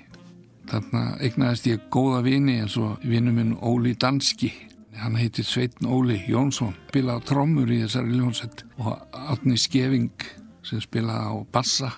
Við örðum mjög góður félagar. Aridu, aridúra dei, aridu, aridáa, sem kongur ykti hann meður sóm og sann, eitt sumar á landinu bláa.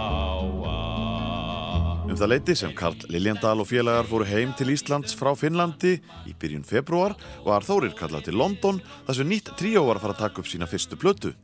Tríóið fekk nafnið Þrjú á palli og vinur hans úr Savana tríóinu, Tróvel Spensen, leitti það en með honum voru Edda Þórensdóttir og Helgi R. Einarsson.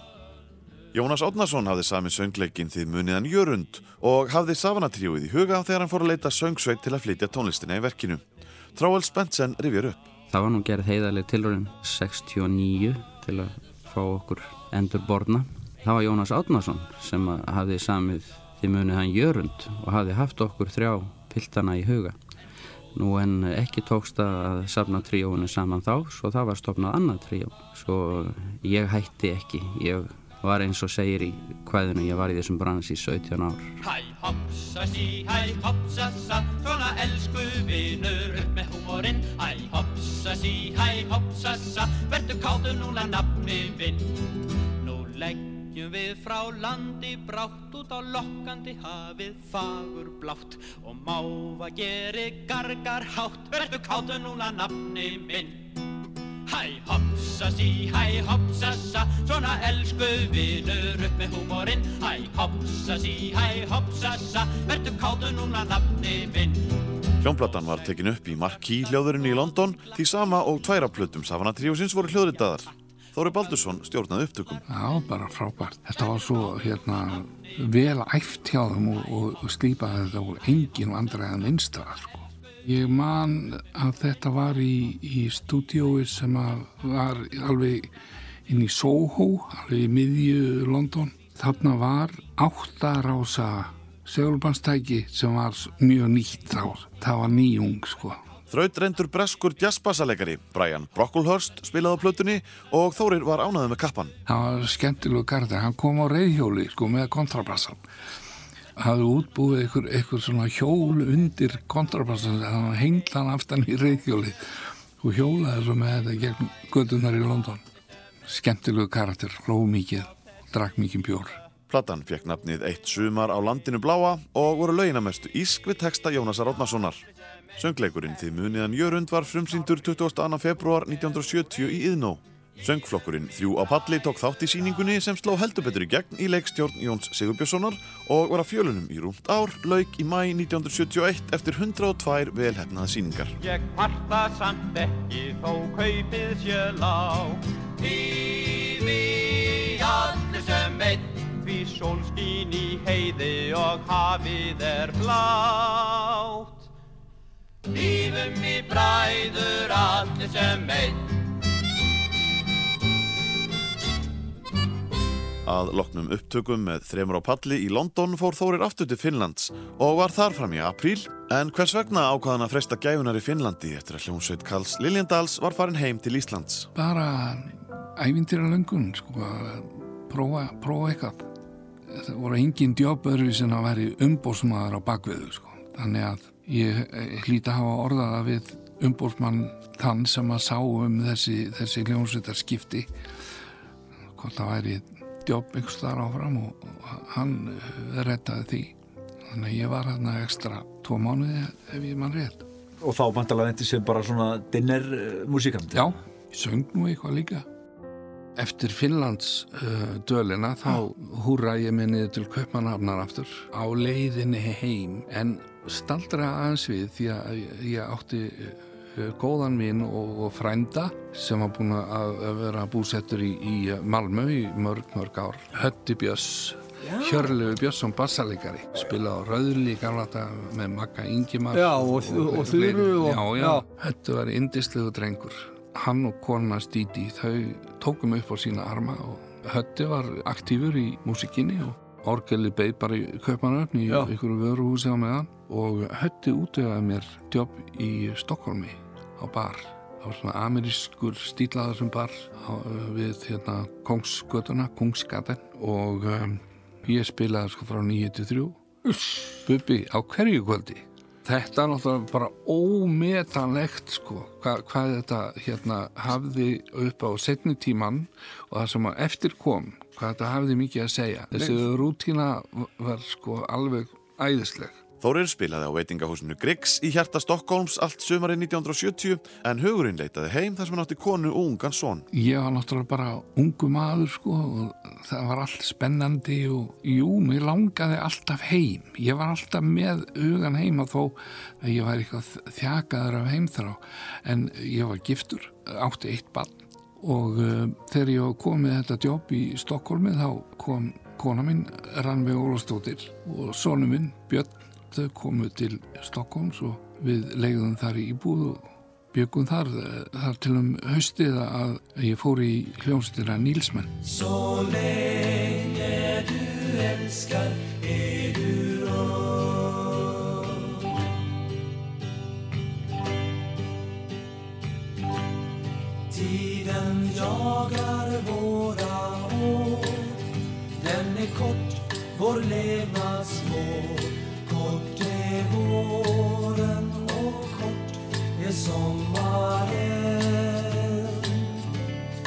Säg din barndom, var är den? Har du kvar de drömmar än som du drömde en gång för länge sedan? Hvernig band var þetta Nílsmenn? Þetta var bara svona coverband.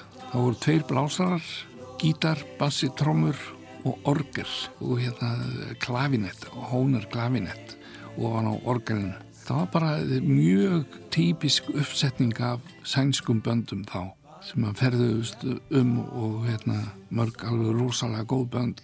Svíjar eiga náttúrulega þvílíka listamenn, það er sláandi sko, hvað er eiga góða listamenn bæði í hljófarleik og söng. Var þetta eitthvað svipað og íslenski sveitabala rúndurinn? Já, það var svolítið þannig sko, við fórum í fólkparkana og síðan spilaðum við náttúrulega í Stokkólmu á þeim stöðum sem voru þar, svona dansstæðir í Stokkólmu, alls konar. Ball hljómsveitin Nílsmenn með hljómbórsleikaran Þóri Baldursson innanbors ferðaðist vitt og breytt um Svíþjóð í upphafi 8. áratugurins. Spilaðum mikið í uh, norður Svíþjóð. Og konan er bara eftir þá í Stokkólmi Já. Með guttan. Já. Hvernig þreifst hún þarna meðan þú varst í þessu flandri? Var þetta ekki erfitt fyrir hana? Það er erfitt fyrir alla Já. að flytja búferðlum. Þannig að uh, hún átti ofta erfitt en hún var í, í vinnu sem var nú ekkit skemmtileg vinna sko. Þannig að ég, ég skil það þegar ég lít tilbaka hvað þetta lítur að verið erfitt. Og, og þá slitnaði upp úr þessu hjónabandi og uh, Ransi fór heim.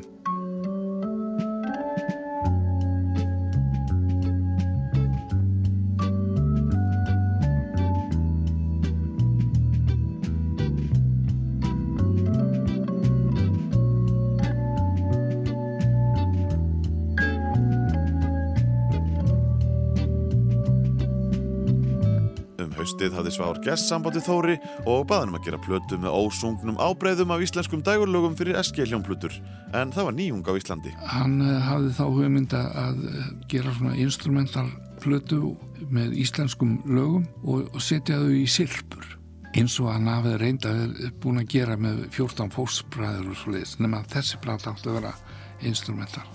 Og uh, hötti var með mér á bassa en, en hinn er voru allir sænskir og mér er sér mjög góðir sænskir hljófræleikar og ég held að hötti hafa nú átt mestan og stækstan þátt í því að, að ráða þá til leiks. Platan fekk nafnið Þóri Baldursson leikur vinsæl íslensk lög og kom út fyrir jólin og við heyrðum brot úr hljómalæginu Bláu augun þín eftir Gunnar Þórðarsson. Árið er 1971. Góða veistlu gjöra skal, þar sé gengi dans Veð ég umgang típinn og Ólöfu dóttur hans Stígum fastar á fjöl, spörum eivort skó Guð mun ráða hvar við dönsum næstu jól Á nýju ári hjælt Þórir áfram að túra með Nílsmönnum um alla Svíþjóð og í byrjun sumars leik sveitin eitt mánuð í Oslo. Í júli var Þórir svo aftur pantaður í plötu upptöku því þrjúapalli voru væntalið til Stokkólms að taka upp jólaplötuna Háttíð fer að höndum einn. Jón Sigursson Bassi útsetti lögin á plötunni en Þóri Baldursson stjórnaði upptökum í DK-stúdíóinu og sá um útsetningar fyrir auka hljóðfæri eins og í Gilsbakkaþölu þar sem svíinn Klas Hellmann opnar lægið á flautu.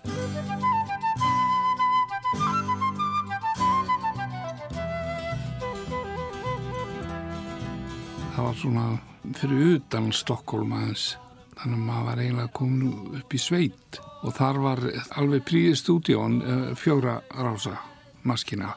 Þetta gekk bara allt svo vel. Þetta voru fínar útsetningar, flestar ef ekki allar frá hérna, Jóni Bassa heitnum og þau voru svo vel undir þessar upptöku búin. Þau voru alveg þau læð Þannig að þetta, þetta var ekkit vesen. Platan fekk frábærar viðtökur og er enn í dag ein mest spilaða jólaplata þjóðarinnar. Ljóðin eru drottin og lífið þið vel,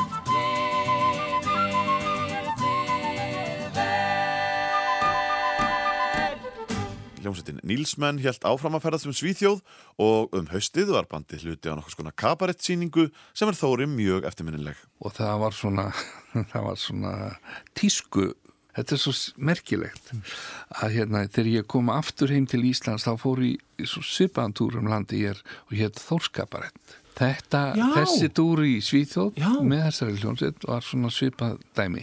Og svona flotta stelpur með var- og- Já, einmitt, sem voru að sína tískufatna Já. og þarna voru uppistandari og þá voru, þá voru tvær söngstjörnur. Uh, önnur var, var þessi tilvonandi sænska eiginkona mín, Nína Lísell. Hún er halvu ári yngre en ég. Sommaren jag aldrig glömt var sommaren med dig Dagarna som rann förbi när du var här hos mig. Sommaren jag alltid minns rann allt för hastigt bort. Aldrig kommer den igen, den var så skön och kort. Nína Lísell fættist 1944 í Stokkólmi og var árið þekkt söngkona í heimalandinu Svíþjóð fyrir tvítugt. Árið 1966 sló hún í gegn í hæfileikakeppni í Þískalandi og naut mikillar hilli í austur og vestu Þískalandi næstu árin og við heyrðum brot úr læginu Sommaren ég aldrei glemt sem kom út á lítilli plötu í Svíþjóð árið 1967 og naut mikillar vinselda. Nína var stór stjarnar í, í Þískalandi og aðalega í austur Þískalandi en hún var líka vel þekkt í sínu landi, Svíþjóð. Árið 1970 snýri söngkonan aftur til heimalandsins, meðal annars til að syngja í sjónvarsmyndinni Cowboy in Sweden á samt hinnum heimsfræga bandaríska tónlistamanni Lee Hazelwood og saman sunguðu duett í læginu Vem kann sigla fór utan vind sem sló rækilega í gegn og fór á topp sænska listans árið síðar. Vem kan segla förutan vind? Who can sail without the wind?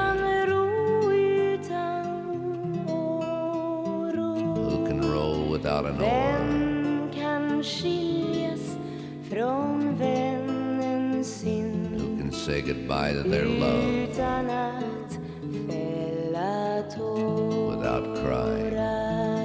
That was actually the same year as I had my very big hit Vem kan segla?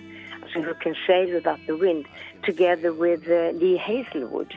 He came over from uh, from the States and he was looking for um, a singer that should be uh, play the main part in his film Cowboy in Sweden. And so he selected me among all the girls in Sweden and um, he needed another song for it. And then I said, uh, well, we can um, record Vem kan segla? And he said, well, I don't know any Swedish, you know. Well, I said, then you have to murmur it in, in, in your language. And so I was singing, and in the pauses he said, who can sail without the wind and who can roar without an oar, so on. It was very charming. It turned into a golden record. I got a golden record for that. And also Lee Hazelwood got a golden, golden record, and that was his first one. He didn't have a golden record before. Nína sagði frá gullplötunni sem hún og Lee Hazelwood fengu vegna metsölu smáskífunar Vem kann sigla fór utan vind en þetta var fyrsta gullplatan sem sá bandaríski nældi sér í. Nínu var í kjölfarið bóðið að túra með hljómsveitinni Nílsmönnum þar sem leiðir hennar og Þóris Baldurssonar lágu saman. I lived in Munich at that time, but I now and then came to Sweden, you know, to make some TV shows here and to be in front of the public. So, uh, 71, that there was a tour uh, together with Nilsman, and uh, that was an agency in Sweden that, that gave me this opportunity, that gave me this job. And um, I think that was very, very nice. I haven't seen uh, Thorir before, and um, in uh, this band, Nilsman, Thorir was playing uh, the piano and the organ, you know, the Hammond organ, and um, I liked that very much. So I really enjoyed this tour. He played very, very well on, on the organ in his style, and um, he really played it well. And uh, at the same time, we, we started to like each other so much. You know, he enjoyed my way of singing, and I enjoyed his way of playing. And gradually we, we actually fell in love with each other. And um, I thought it was very natural and charming. Nína sagði að hún hefur verið mjög hrifin af píano og orgelleik Þóris og hafi haft mjög gaman að túra með Nílsmönnum. Þórir hafi einnig verið mjög hrifin af söng hennar og þegar áleiði tónleikaferðina feldu þau hugi saman. Hey, cowboy, where'd you get the funny walk?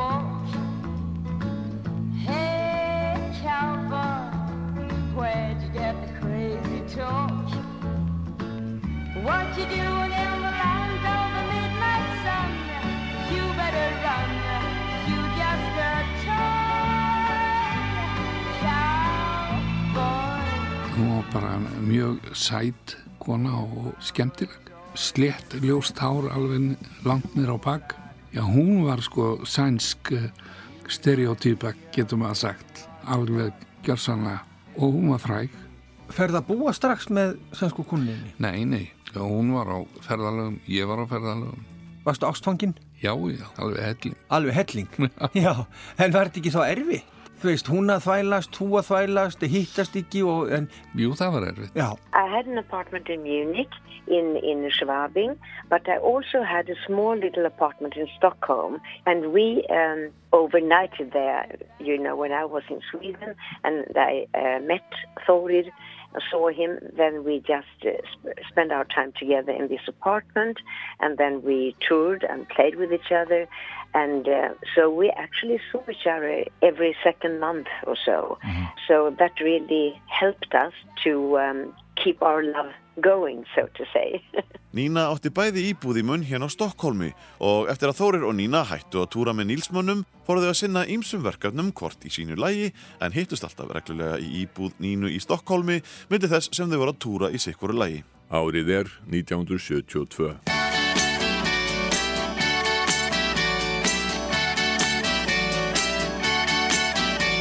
Söndag morgon, strålande sol Humlor surrar kring blå Hej, hej, hej, vilken underbar dag.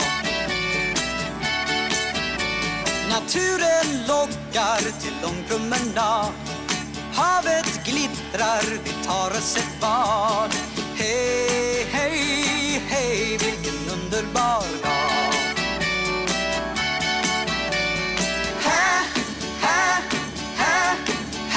Härliga söndag Við erum að fjalla um tónlistaferil Þórir Baldurssonar og komin að árinu 1972.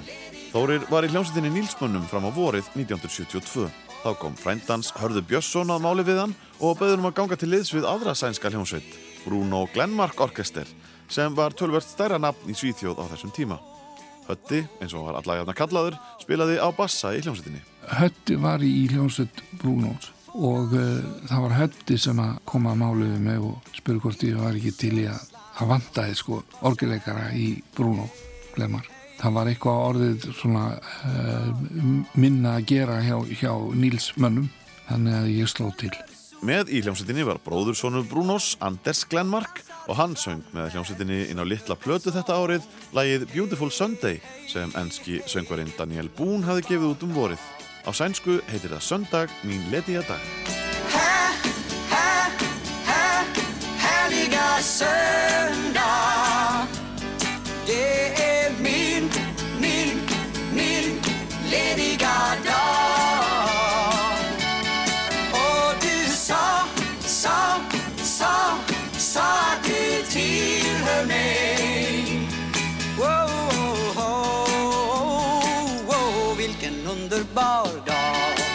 Ég var með Bruno Glenmark þetta sumar og þar sem við kyrðum um Svíþjóð í fólkparkana og spilaðum á, sveitaböllum í Svíþjóð um helgar. Það voru tveir blásarar, Bruno sjálfur spilað á trompet og uh, það var básunleikari og það var saxofónleikari og síðan bara gítar, bassi, trommur og orgel. Og hvernig músík? Svona cover og sænsk lög og, og lög sem að, að, að söngkonan stjarnan Ann-Louise Hansson hafði gert að sínum þetta var svona bara hefbundi eins og þetta var á þessum árum. Söngkonan Ann-Louise Hansson hafði sleiðið í gegn með sinni fyrstu plötu tíu árum áður, árið 1962 og giftist hljómsveitastjórunum Bruno Glenmark 1966. Ann-Louise er stórstjarnæði Svíþjóð og engin söngkona eða söngvari hefur oftar tekið þátt í Melody Festivalin undan keppni Eurovision í Svíþjóð. Ann-Louise hefur keppt 13 sinnum en hún hefur reyndar aldrei komist allalegði í fyrsta sæti.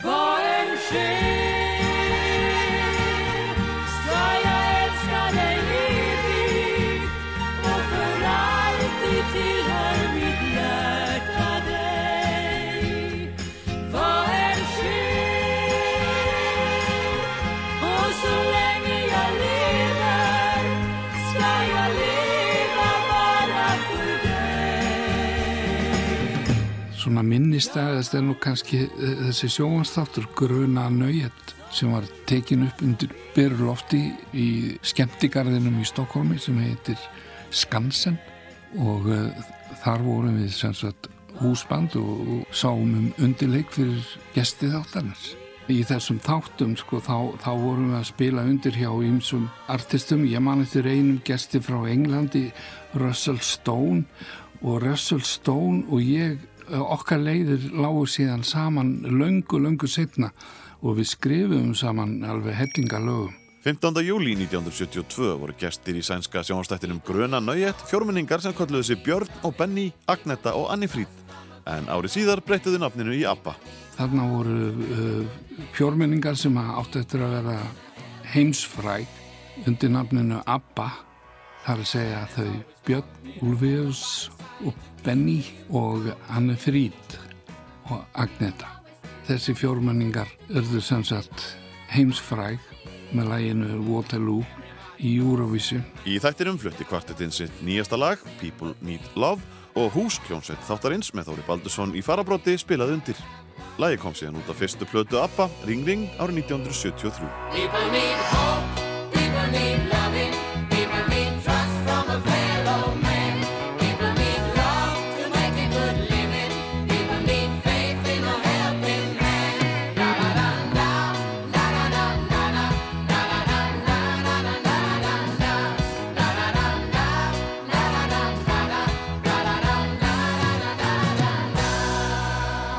og sem byrjun á ABBA. Þannig að ég hef, eh, ég hef spilað undir hjá ABBA má segja. Ég, ég hef verið svona svolítið í, á, út á kanti svona í, í ymsu frægu fólki. Ve- verið svona á kantinum það er svolítið skemmtilegt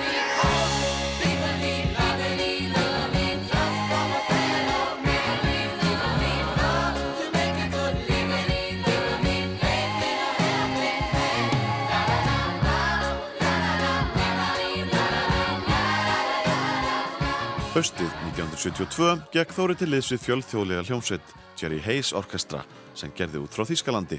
Þetta var nýjumanna hljómsveit og liðsmenn komu víða að frá Þýskalandi, Argentínu, Noregi, Svíþjóð, Tjekkoslovakíu og Þóri frá Íslandi. Þórir sagði í viðtali við Vísi 25. oktober að næsta mánuðin myndi hljómsveitin spila á skemmtistanum Bands í Stokkólmi en þaðan lagi leiðin til Sviss þar sem sveitin myndi spila víða um veturinn. Á efniskráni voru tökulög úr ýmsum áttum.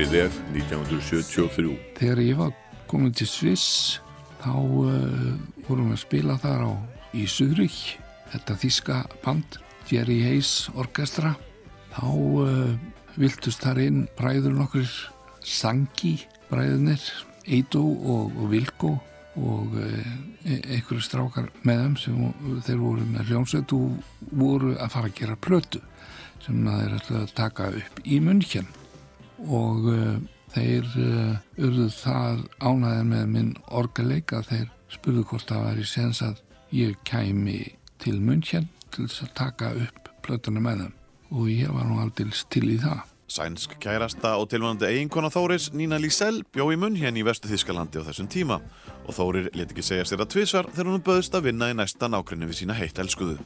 Bræðurnir Edo og Vilko Sanki, sem voru af júgoslánisku bergibrotnir, voru að undirbúa aðra plötu Dons Andersson, sem var listamannsnafn eldri bróðurins, Edos Sanki, og platan fekk nafnið Eagle Flies.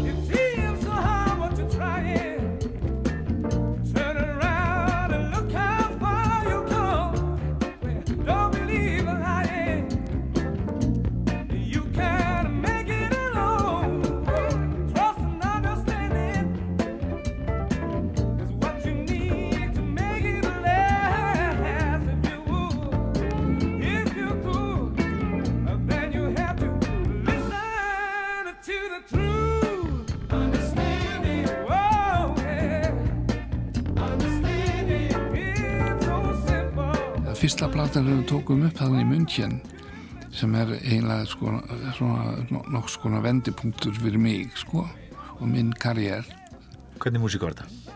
Þetta var svona funk eins og, eins og var þá Stevie Wonder var miklu uppáhaldi á Edo alveg sko fanta söngvari æðislega góður Þórir var ánaðið með þá ákvörðin sína að samþykja bóð Sanki bræðra og fara með þeim í blötu upptökur til munn hér. Það átti líka eftir að hafa mikil áhrif á ferilans næstu árin.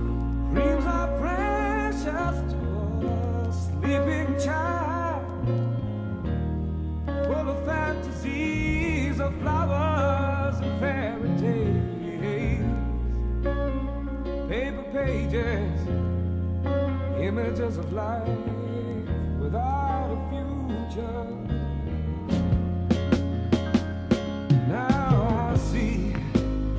That's not what it's all about. Lives are fire, and winning's up to me. Það var eh, mesta gæfuspor því að eh, það svona jók róður eh, minn svona smátt og smátt þarna í munn hérna það spurðist út að það væri þarna góður orgelleikari og píjánuleikari, það var nú aðalega píjánúið sko þá og þá var Elton John stílinn mjög vinsall og það spurðist út að hann væri komin í, í flórunna, ný, nýr píanisti sem geti spilað eins og Elton John og ég fekk hellingadjöpum út á það. Það voru ekki margir sem að gáttu hefnt svona eftir hans stíl. Ég, ég gæt það því ég uh, var búin að hlusta á alveg frá því að hann gaf út sína fyrstu blödu, var 60 og eitthvað, hérna heima bara á Íslandi. Fannst hann æðislega flottur píanisti og hann var náttúrulega undrabann. Þórir ákvað að setja stað í munn hér og freista gæfunar í tónlistasennunni í borginni. Það var náttúrulega kannski fyrst og fremst vegna þess að, að Nína var með íbúð þannig að ég hafði sama stað og þurfti ekki að, að kosta miklu til og ég gæti verið með orgeliðar og, og, og svo framvegs þannig að ég hafði skjól But, but at the same time, I lived in Munich in Schwabing, and um, he once then visited me after six months since we got to know each other. And um, he came down to visit me, and um, we thought of, oh, you know, we should really move together. We, we can't be away from each other. So he came down actually, and then we found a, a small little house outside of Munich, around about 15 kilometers away from the town. And um, that was very, very charming, you know. Þórir og Nína fundu sér íbúð í útjæri munn hér en fyrstum sinn var lítið að gera hjá Þóri og í viðtali við Samuel 1978 sagðist hann að kvalist af heimþrá fyrstu mánuðina. Ef hann hefði verið atvinnulegs mikið lengur hefði hann farið heim til Íslands. Um tíma dundaði Þóri sér við að smíða módel heima fyrir til að drepa tíman millir verkefna. en eins og ég segi, ég hafði þarna skjól og ég gatt komist af á þess að því fylgdi mikill kostnaður. Þannig að ég var nú bara svona að drepa tíman ég er alltaf gaman að því að, að smíða og gera eitthvað í höndunum. Hefða nú frá föðu mínum. Nema það hefur tekið svona fjóra, fimm mánuði sko að verða eitthvað menna kannski eitt og eitt jobb sko. Síðan síðan var þannig og er öruglega ennþá þannig að það eru umbóðsmenn fyrir alla skapaðluti í, í þessum bransa í Þýskalandi og alvöru löndum sem að, sem að þetta er alvöru business. Og um, svo sem að hafði umsjón með öllum stúdíóráðningum hétt frú Löffler, frá Löffler. Og um, þegar ég var komin inn á borð til hennar þá fóru hlutinnar skeið þá fór hún að ringja og, og umbóðsmaðurinn, uh, það ringdi hann þegar að vanta músikanta. Plötufyrirtæki ringir í umbóðsmann og byður þá annarkort um einhverja sérstaka eða umbóðsmaðurinn sér um það. Og síðan sér umbóðsmaðurinn að mæta í stúdíó með lista þar sem að lögin eru listuð upp og það er skrifað niður, það er mert við á hvaða lögum þú spilar og hvort þú spilar einhver overdub eða eitthvað, það er allt mert og allt skjálfest en það er þar uh, flytjanda batteri sem heitir uh, á, á, upp á þýsku skamstöðun GVL en það er svona GVFL og uh, er, sér alveg um réttindi flytjanda og það er einhver sjóður sem að myndast af flytningi tónlistar í útarpi alveg eins og hér og allstar í eiminum en GVL sér um að flytjendur fái sína peninga og það er allt byggt á þessum skýslum sem að umbúrsmaðurinn fyllir út það er allt mjög þýst og, og nákvæmt og indislegt Þórir kynntist umbósmanninum frú Löffler fyrir tilstilli eigimannssennar Frans Löffler. Hann var gítaristi og spilaði á allan fjandan. Öll strengja hljófurinn gatt Frans spilaði á. Ég spilaði í einhverju sessjón með Frans og þannig komst ég inn á borð hjá frúni Löffler. Þau eru bæði dáin núna, blessið sem minning þeirra. Og við tók önnur kona sem var umbósmaður frá Reisaví. Þórir var með Frans Löffler í upptökum á plötunni Shane með fransk-líbanska leikaranum og söngaranum Ricky Shane. En það var fyrsta platan sem Þórir stjórnaði upptökum á í munn hér ásamt því að útsetja. Upptökur hófust sent í november 1973. Så i Stadshaven, djungeln är sköter. Der bästa från det, die svarta blätter. Och från det livet, wie war geregelt. Das ist zu finden, das ist schwer. Yeah! Þetta var uh, myndardrengur og uh, kólsvart uh, hérna, rokkið hár og hann var frá Líbanon og reykti alveg óskaplega mikið hass sem hann blandaði í tópaki. Ég hef aldrei séð aðra eins jónur sem hann vafði og þetta vilstist ekki hafa nokkur áhrif á mannin, það var alveg ótrúlegt. Hann, hann var bara samur eftir. Hann var fýtt söngvari söng svona í, í amerískum stíl og, og, og líktist hans mér Ray Charles svolítið, var, var svolítið að fara í, í hans uh, stíl. Meðal þeirra sem Þórir spilaði með í hljóðveri á fyrsta ári sín í munn hér voru þíska tónlistakonan Miriam Frances og hljómsveitin Wolfgang. Unser Baby, das in seiner Wiege fröhlich glänzt, wartet auf die Frau Susanne schon vom Mütterdienst, dass sie ihm den Brei mit Honig auf den Teller häuft. Baby ist erst knapp ein Jahr, doch es läuft und läuft.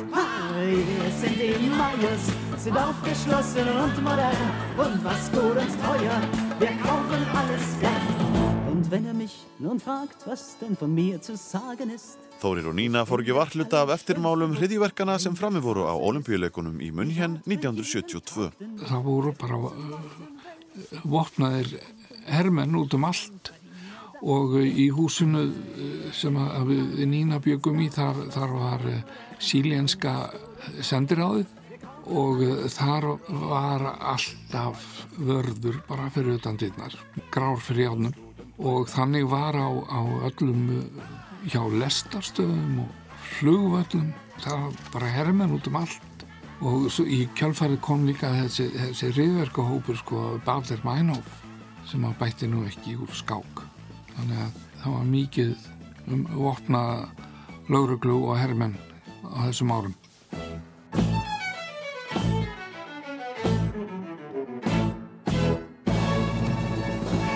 Árið er 1974.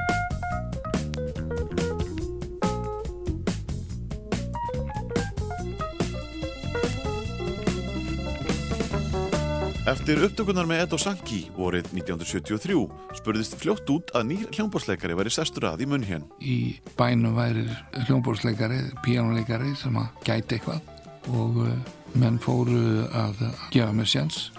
Einn af þeim var uh, Ralf Novi, saxofónleikari sem að spilaði held ég á blöðinu með Edo og hann var svona pródusent sko í munn hér. Það er bara orðspórið kom mér áfram og fyrir varðið þá var ég farin að skrifa niður hljóma og uh, strengjalínur og, og var komin alveg á kafi í þetta. Ralf Novi var einn af þeim sem hrefst af Þóri og á fyrstu plötu Ralf Novi Group, Esculation, sem kom út á 1974 var Þórir einn af meðspilurum hans. Í hinnu 19 mínútna titillegi fór Þórir gjössamlega á kostum þar sem hann leik á harpsíkord, hljómborð, ramax, piano og synthesizer og hér heyrðu við stuttbrót úr tónverkinu Esculation.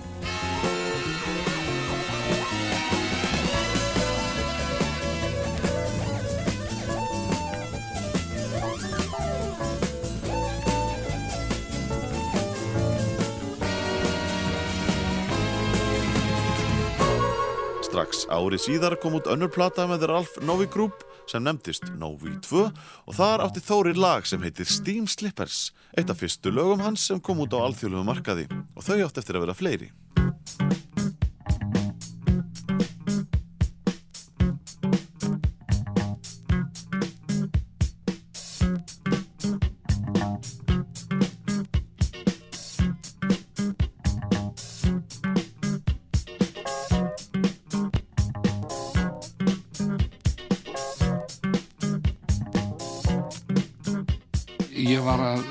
Svona að, að eh, fóta mig hérna í þessum, þessum stúdíobransa að koma mér svona fyrir sem eh, hérna aktífur meðlumur í, í uh, grúppunu sem að spilaði eiginlega á allflestum upptökum sem fóru fram í munnkjenn. Ég eh, svona rétt man eftir því bara en ég tók því náttúrulega fegins hendi að það fekk að vera með. Ég held ég hafi spilað þetta fyrir Ralf á hérna eitthvað piano eða, eða sennilega hefur það nú verið hónar klavinetti og uh, hann vildi endilega hafa þetta með. Ralf Novi var, var svona svolítið í jazzkantinum og, og það var svona eitt af, af fyrstu fusion línunni sem, að, sem að ég uh, svona tók þátt í svolítið eins og messoforte fyrir, fyrir byrjendur að því að, að, mínu viti og messoforte mörgur svona betri heldur en Novi ég vona hann uh, sé ekki búin að læra íslensku og heyri þetta aldrei. En, en hann er þetta nú bara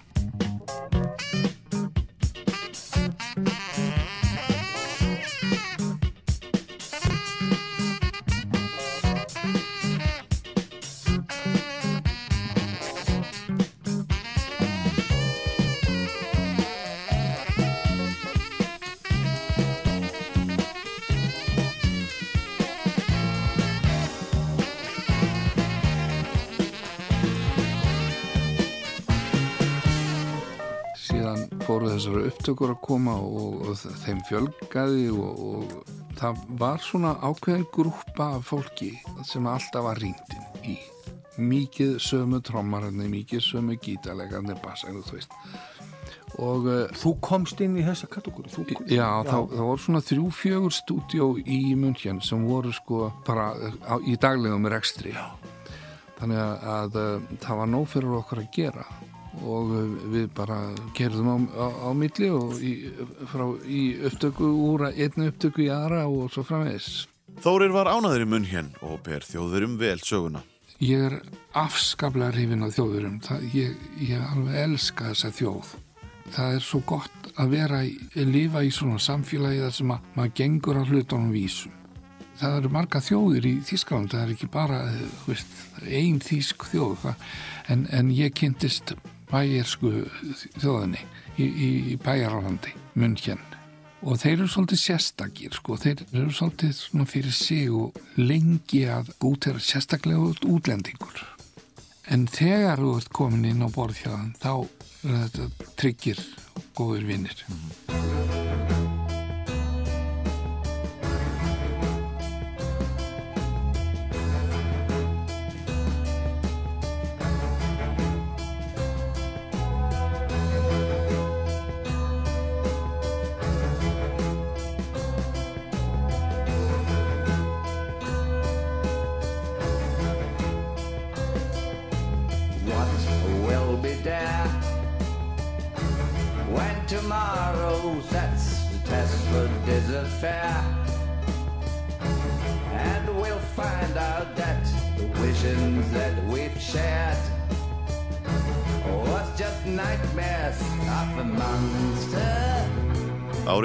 1974 var Þóri mættur í stúdíó með henni virtu framhástefnulegu þýsku krautrock hljómsveit Amandu sem var að taka upp sína sjöundu hljóðursplötu Hijack og við heyrðum brot úr uppafslægi plötunar I Can't Wait þar sem heyra mátti greinilega tilvísun í bítlalagið Dear Prudence af hvítaalbuminu sem kom út 6 árum áður. Amandu var eina af hljómsveitunum sem talin er hafa komið krautrockinu á stað í Þýskalandi. Meðal annara hljómsveitar sem voru áberandi í krautrock-senninu í Þýskalandi á 7. og 8. áratögnum voru Kraftwerk, Kahn og Tangerine Dream. Sennilega hefur það sá kontakt komið bara í gegnum, gegnum stúdíó eða, eða einhver, einhver af þessum uh, pródúsentum. En þetta voru miklir hipar og, og ævindýramenn, Amon Dul ég spilaði með þeim bara ég mætti í, í upptöku og, spilaði með þeim á, á Fender Rhodes einhver lög. Ég var með þeim í, í uh, einhverju sjónvarsupptöku líka sko, í kjálfar plötunar ég var meðlemur í einhver smá tíma nokkra vikur Voru þetta skröldið nángar? Já, voru það. Það voru miklir hippar. Það var mikið reykt í Þýskalandi í, í stúdíónum. Það var bara upp á borðum, það var engin að fela nýtt. Og allra síst þessir gæjar. Sko. Þetta var frekar frjálslegt. Sko. Þótti engum neitt tiltökum mál. Það var engin að neiksla á því. Það var bara...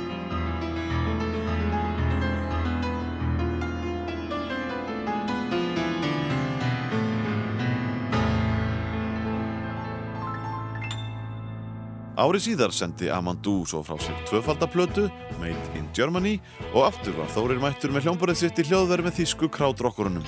Við heyrum hér brot af uppaslægi plötunar Dreams. I've been running through my days, been speeding through your nights, been hooked to all kinds of possession.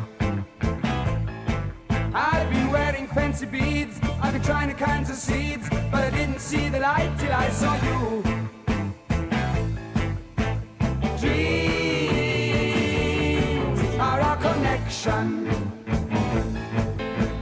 Dreams for satisfaction. Now she's gone, I see clear. Spend my days in useless fear because she misses me. Hvernig var atmosfærið í Þýskaland á þessum tíma? Var, var mikið reykt eða var kók komið mikið inn í bransan, kókain? Ég sá ekki svo mikið kók, en það var mikið reykt. Mikið reykt? Hassið var bara upp á borðinu svo. Já. Varst að reykja út á þessum tíma? Nei, ég, ég, eh, ég prófaði það náttúrulega, sko, en, en hérna, ég var alltaf svo veikur. Menn voru að blanda í því tópakjörun og ég var alltaf, ég fekk bara kvítuna strax, ekki reykt? Þannig ég, ég leta alveg eða sig. En grasi þá, fór það betur í? Nei, ég sá ekki gras í Þýskalandi.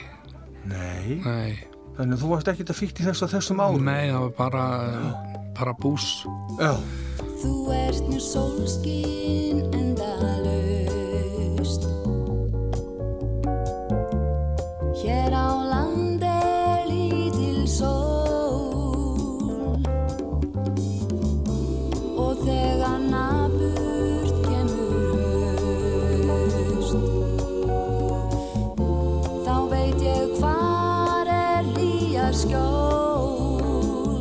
Undir lokásins 1974 kom sýstir Þóris, Marja Baldursdóttir, í heimsókn til að taka upp sína fyrstu sólaplötu. Þetta er alltaf indislegt að fá sýstu sína í heimsó.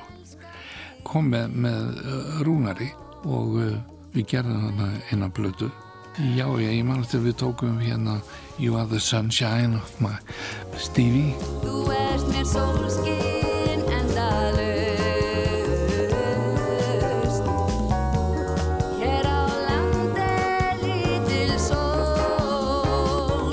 fyrsta sólaplata Maríu fekk nafnið Vökudraumar og kom út fyrir jólin 1974.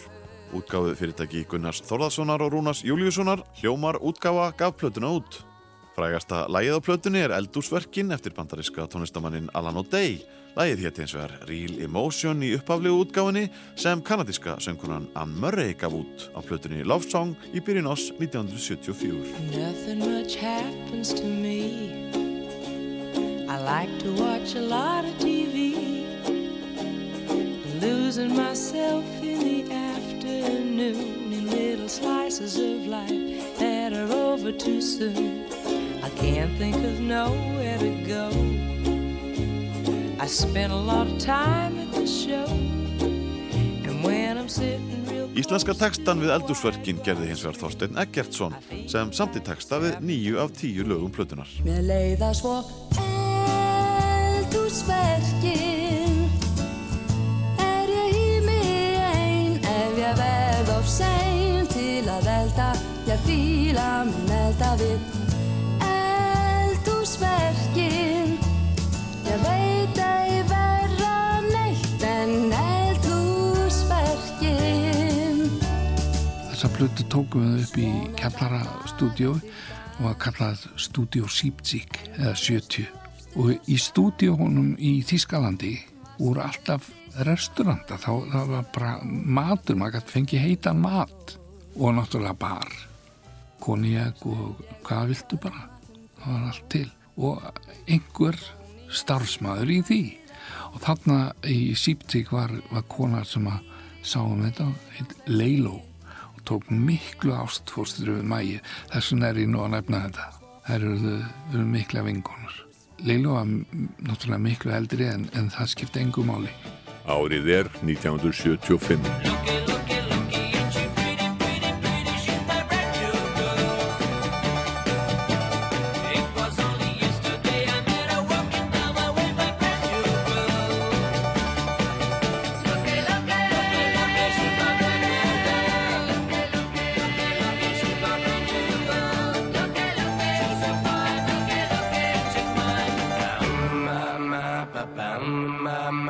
Ítalski upptökustjórin Giorgio Moroder var að hasla sig völl í munn hérna á þessum tíma og hafði komið sér upp hljóðveri í borginni. Giorgio hann byggði þetta stúdíó í, Arabella hótelinu þar sem hann kallaði Musicland og það fjármagnaði með, með lægi sem hann hafði samið og varð hitt, var eitthvað svona kúlutyggjó lag mann ekki lengur hvað heitir Lucky, Lucky, Lucky eða eitthvað svo leiðis eitthvað In My Tummy eitthvað alveg rosalegt kúlutyggjó lag sko hann fekk fyrir þetta einhver miljón þýsk mörg frá uh, hérna útgefanda og það notaði hann til þess að- koma sér upp þessu stúdíu og þessari aðstöðu sem var hann í Arabella hótelinu. Hann var bara partur af þessu uh, pródusenta tími sem var í München þannig að þannig kynntist ég honum. Ég, bara, ég var músikant að spila í stúdíu og, það voru hinnir strákarnir líka eins og Keith Forsey, trommari og Gary Unwin, bassa og, og fleiri og fleiri. Það var mikið englendingum mm. í München á þessum tíma.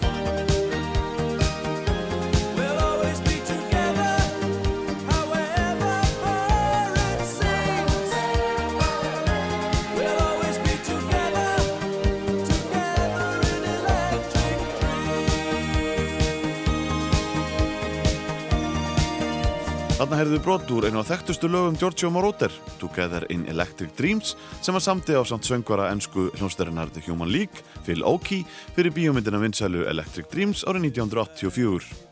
Bandariska söngkonan La Donna Adrian Gaines tók þátt í uppfærslu á söngleiknum Hárinu í München í lok 7. áratugarins. Hún tók sér nafnið Donna Summer eftir að hún setti stað í Austuríki í upphafi 8. áratugarins en flutti svo aftur til München skömmu síðar og vann fyrir sér sem bakrætarsönguna og fyrirsæta þegar hún kynntist Giorgio Moroder. Hún hafði reynda sendt frá sér eina soloplötu þegar þarna var komið sögu en svo hafði einungis komið út í Hollandi og ekki vakið mikla aðtigli. Hún var uh, bakræta sönguna og bara mjög vinsæl sem slíka því hún var svo góð. Var með þetta sound sko. En uh, Moróder hann sá þarna tækifari í donu og byrjaði að pródúsera með henni lög sem að hluta til ég útsetti og, og spilaði. En það má geta þess sko að Donna, hún var uh, partur af hópi sem kom frá bandaríkjunum og uh, flutti söngleikin Her, Hárið. Hún kynntist austuríkismanni sem hétt Sommer, giftist honum og þaðan tók hún upp nafnið Donna Summer. Helt því sko eftir að þau skildu alltaf. Og hún var sem sagt uh, partur af þessum hópi sem kom til Þískalands og flutti sönglíkinu hér.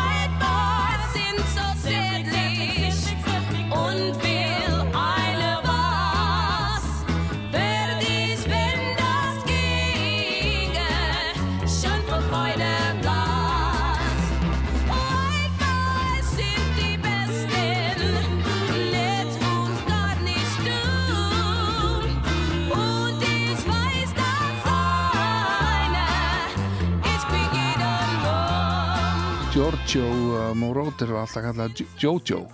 Hann var þá farin að vinna með uh, breskum félaga sínum Pete Bellotte sem að samti alla textana. Þeir uh, pródúsiruðu Donnu saman. Okay. Þessi tveir gæjar. Og um, þeir gerðu tilraun með, með e- eitt lag fyrst sko sem að, að náðu nú ekkert sérstaklega langt í um, Evrópu. Það var ekki fyrir en lagið Love to Love You Baby sem að því miður ég var ekki, ekki á, er ekki ábyrgu fyrir. En uh, það var einn sem að kveikti á því í, í bandaríkjónum sá sem áttu Casablanca rekord hann kveikti á því og það var það sem að kom henni á kortið sko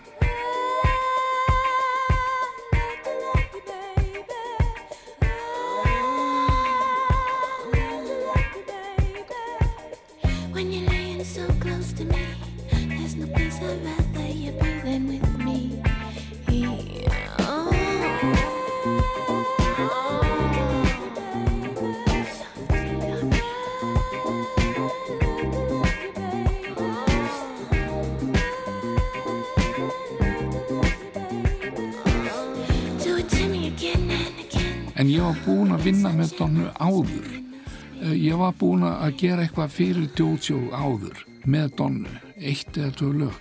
Það var áður en þess- þessi, þessi stóra plata kom sko. Uh, Love to Love You Baby það var amerískur ljónbórsleikari sem vann það og það var amerískur bassaleikari líka. Hann á þessa bassalínu sem, sem er í læginu Love to Love You Baby og er rosalega stór partur af því lægi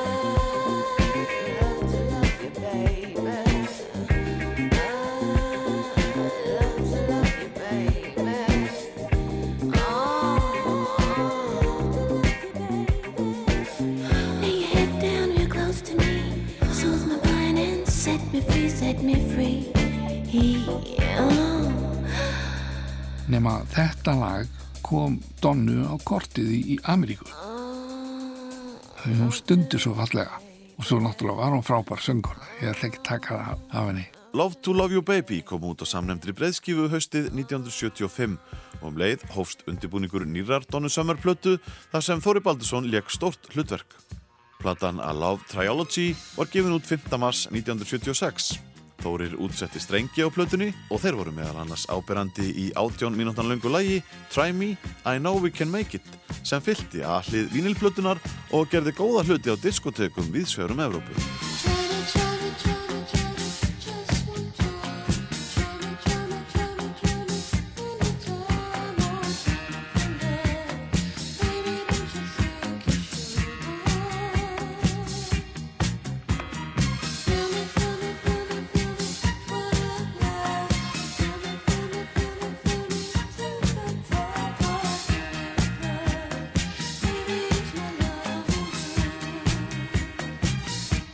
Viðtali við Morgunblæði 2003 sagði Þórir að þegar hann kom til munn hér hafi Donna Summer verið að syngja bakrættir í stúdíóum og þá þekkt hann engin.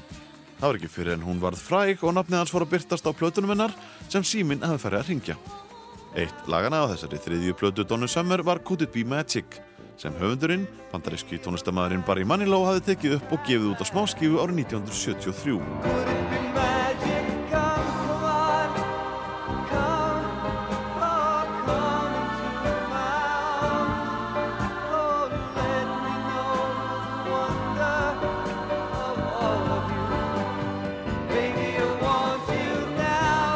Auk þess að útsetja strengi á allri plötunni sá Þóri Baldursson algjörlega um útsetningar á læginu Could It Be Magic og fekk mikið hrós fyrir. mjög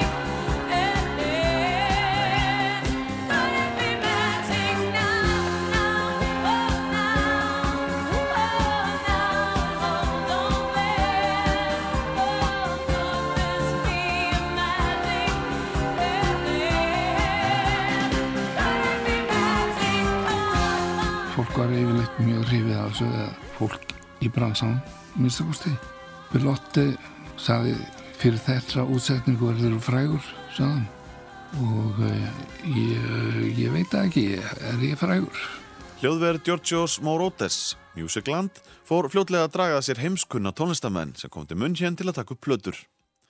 Einn þeirra sveita var Rolling Stones. Mick Jagger og félagar höfðu þar tekið upp plötuna It's Only Rock and Roll sem var gefin út haustið 1974 og í desember sama ár komu rollingarnir aftur til München til að hefja upptökur á plötunni Black and Blue. Vandamálið var að það vantaði orgelleikara í nokkur lög og þeir höfðu Þóri Baldursson í siktinu. Oh, cherry, oh, cherry, oh,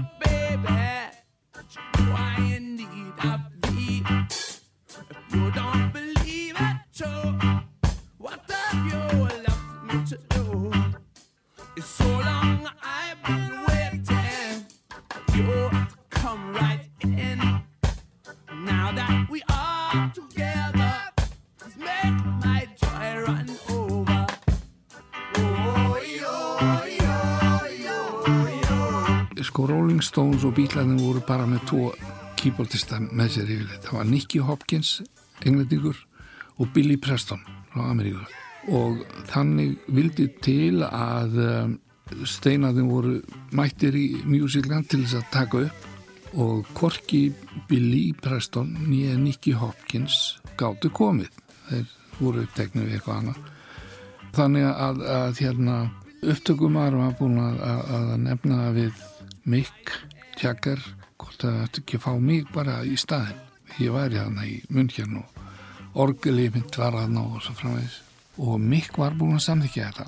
En þá á síðustu stundu meldaði Billy Preston sig sagðist geta komið. Og auðvitað fög ég þá út um gluggan en um, þeir legðu bara að mér orgelið í staðin Þannig að þú ætti smá þátt í Ég átti smá þátt og hérna það kom, svo ég sagði einhvern tíma frá þessu hérna í blaðavítali og, og þá var fyrirsögnum ég spilaði næstum því með Rolling Stones. Mér fannst það svolítið leiðinleg fyrirsögn. Ég verði að segja það alveg svo er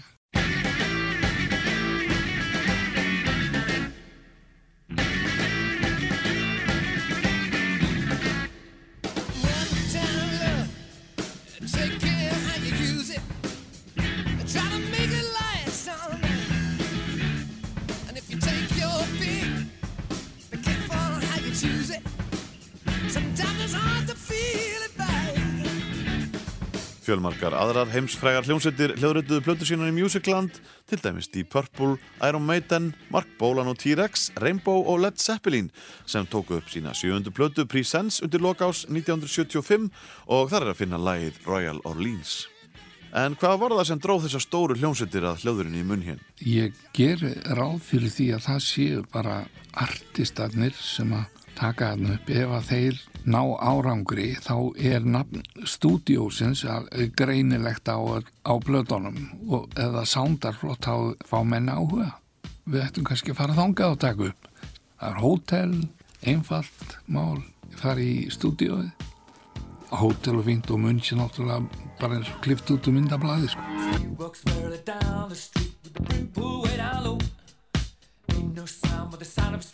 Machine guns ready to go. Are you ready? Hey, are you ready for this? Are you hanging on the edge of your seat? Out of the doorway, the bullets rip to the sound of the beat. Yeah. Another one bites the dust. Hljómsveitin Queen kom til hér sumarið 1979 og hóð upptökur í Musicland á áttundu hljóðurplötu sinni, The Game, sem kom út árið síðar. Musicland kom svo einnig við sögu í upptökum á næstu fimm plötum Queen. Upptökustjóri á The Game var þjóðverinn Reinhold Mack sem var aðal upptökum að Musicland og á Matti Þóris var hann kannski helsta ástæðan fyrir því hversu vinsett hljóðveri var hjá þessum heimskunnu tónlistamönnum. við kallum hann alltaf Mack. Hann var sko mjög fær. Ástæðan fyrir því að, að þegar Musicland var svona uh, vinsælt er örglega út af fólkinu sem að vann þar og, og tók upp þessar plötur og þess var getið á, á plötu umslögum hjá, hjá frægum artistum. Og uh, það náttúrulega hefur þau áhrif að, að fólk vil koma ánga og taka upp. Og uh, einn af þessum uh, teknumönnum var Reinhold Mack. Eftir að hafa tekið upp plötu með Eilo og unni með Jeff Lynn þá endaði Mack sem pródusser fyrir, fyrir Eilo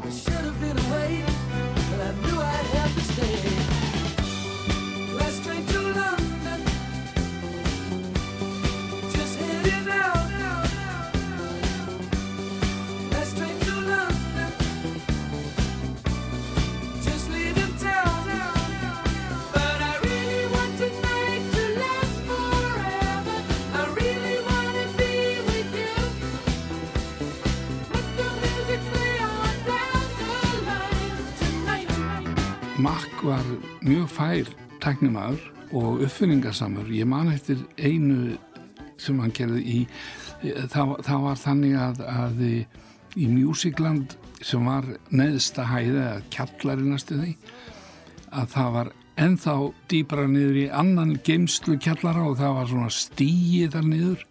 Hann hérna, kom fyrir hátalara neðst í þessum stiga og síðan mikrofóni efst í stiganum. Þetta var svona veist, stiga gangur skulum við segja, þröngur og síðan snýr trommusándið setti hann í þennan átalara neðst í stiganum og tók síðan upp sándið sem að, gangurinn myndaði efst í, í, í steganum til þess að fá risastort snirtrommusánd þetta er bara svona dæmið sem hann fann upp á. Auðvitað voru miklu fleiri svona dæmi sem að ég bara kann ekki að útskýra. Íslenskir tónlistamann höfðu lítið frétt af afregum Þóris eftir hann fluttist af landi brott í byrjun ás 1970 en á saplötunni eitthvað sætt sem hljóma útgáfan gaf út fyrir jólin 1975 átti Þórir tvö lög. Annað þeirra kallast Þýmið og Kvenmars nafnið Jónína var í svega en þar fekk landin innsýn í hvers konar tónlist Þórir hafði unnið frá því hann setti stað í munn hér.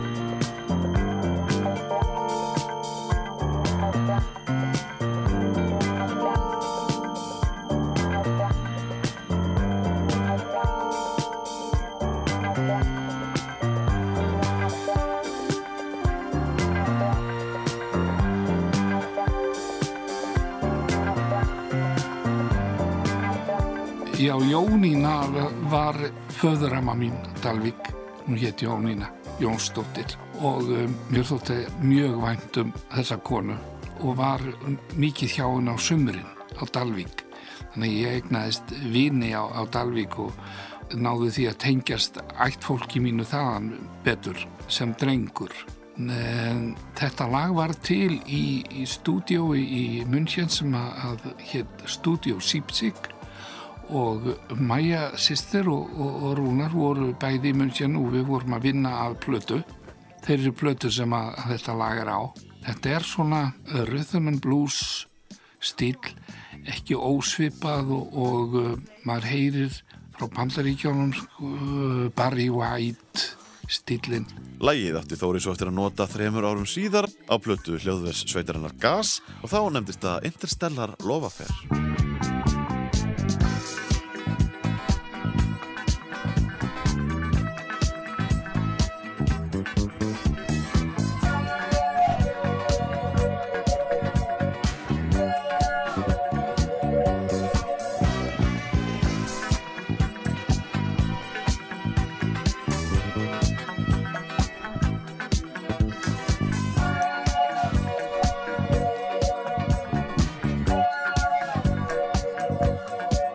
Hljómaútgáfan var stórtæk á fyrsta heila starfsári sínu og fyrir jólinn 1975 gaf hún út fjórar plötur.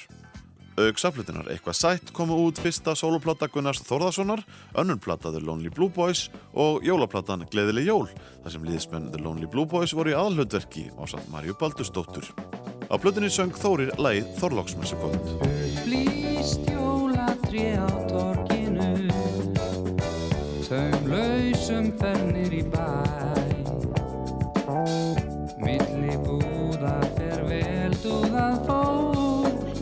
Skamdegið fær annarlegan blæ. Þorláksmessu kvöld er hátíð út af fyrir sig. Og leikur að jólunum.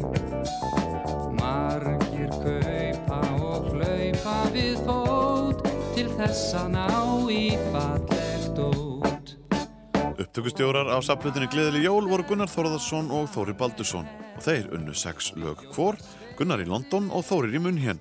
Eitt lagana sem Þórir vann í Þýskalandi var hefðið síkilda jólalag Jingle Bells sem hann setti í funk útsetningu undir nafninu Kluknahljóm.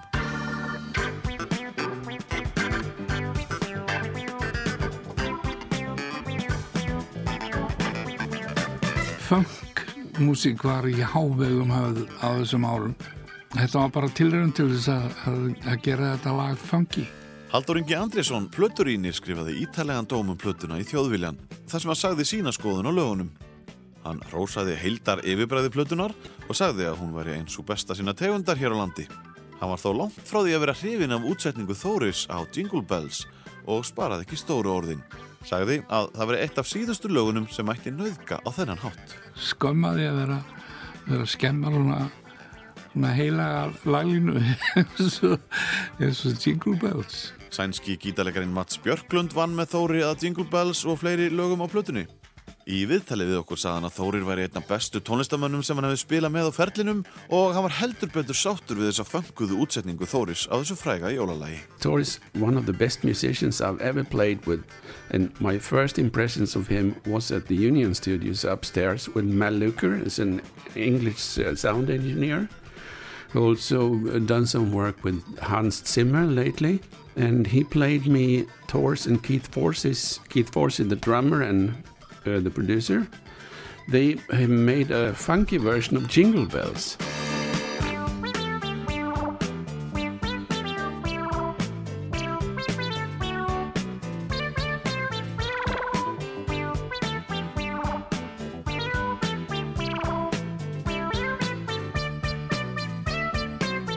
And that was such a groove that was the best sounds I've ever heard in a studio I was just it was amazing Mats Björklund var ánaði með grúfið í kluknahljóm og sagði að hljómurinn hefði verið eitt svo besti sem hann hefði heyrt í hljóðveri, reynlega stórkostlegur. Árið er 1976.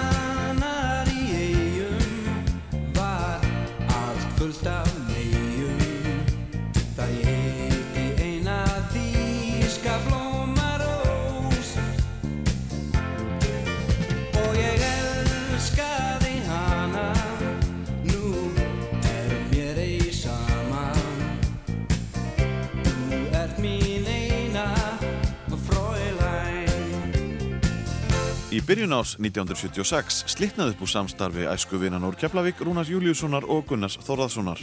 Ástæðan var fjárhagslegs eðlis og snýri að hljómaútgáfunni. Þeir stopnuðu korun sinn nýtt útgáfufyrirtæki, Gunnar stopnaði Ími en Rúnar Geimstein sem óættir að segja að sé lífsegasta hljómplötu útgáfan sem starfað hefur hér á landi. Fyrsta verkefni Rúnars fyrir Geimstein var hans fyrsta soloplata sem hann hljóðritaði í New York en árinu undan hafði hann verið í þremur af vinsælustu hljómsveitum landsins, Hljómum, Trúbroti og The Lonely Blue Boys. Þórir fór ekki með Rúnari til bandaríkjana en hann kláraði að spilin á plötuna á samt félögum sínum og sá um útsetningar og loka frágang í munn hér skömmu síðar. Við heyrðum á þann brot úr læginu Fräulein við texta Rúnars en eitt af þekktustu lögum plötunar sem lifir enn góðu lífi er Söngur um lífið við texta Þorsteins Eggertssonar. Já, syngjum um lífið og lofum það líka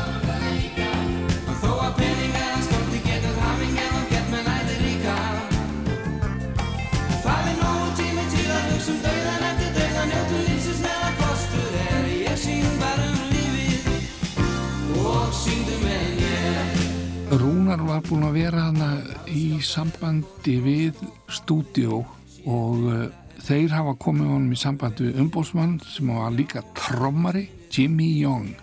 Og hann var náttúrulega með kontakt á alla bestu músikaltana í New York.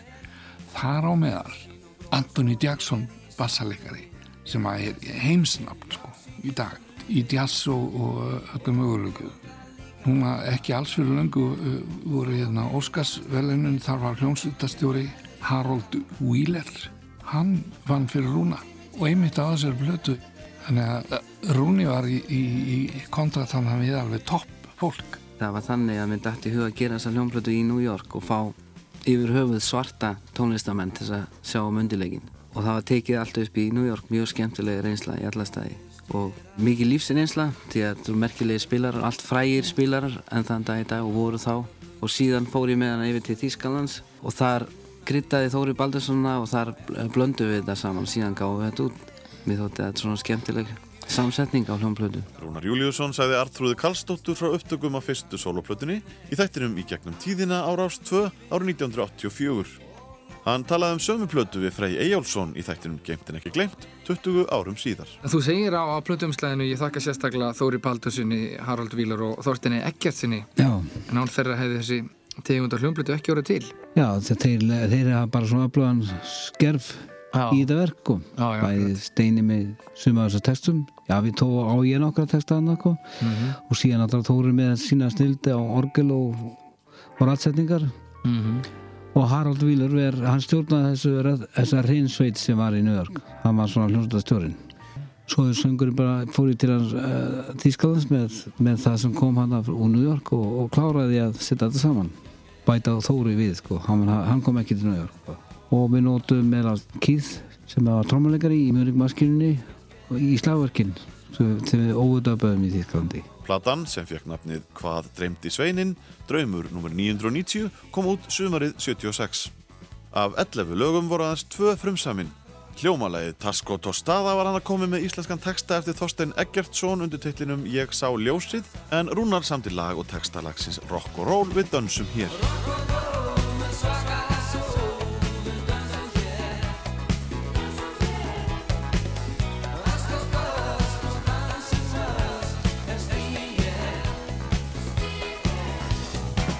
Eins og komið við fram fekk Rúnar til liðsvisi frábæra sessjóntónlistamenn í New York.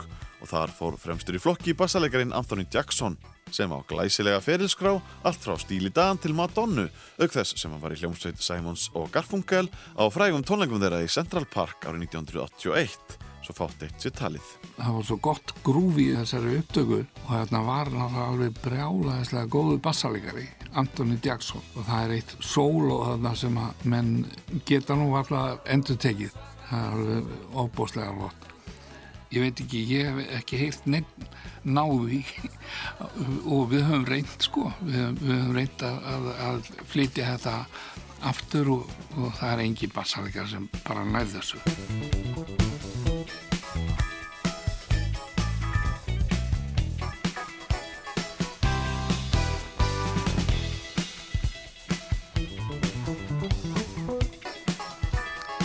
Sanki bræðunir urðu mjög hrifnir af þessu og uh, það endaði með því að Vilko, bróður Eidó, Sanki, hann gerði einhverja plötu fyrir EMI og þá tók hann upp þetta lag og þá hétaði ekki lengur rock'n'roll við dönsum hér heldur silfurskotnir. Die Silbersjúe, við gehen tanzen og við höfum alltaf að tala um þetta sem Die Silbersjúe. Deine Silberschuhe an,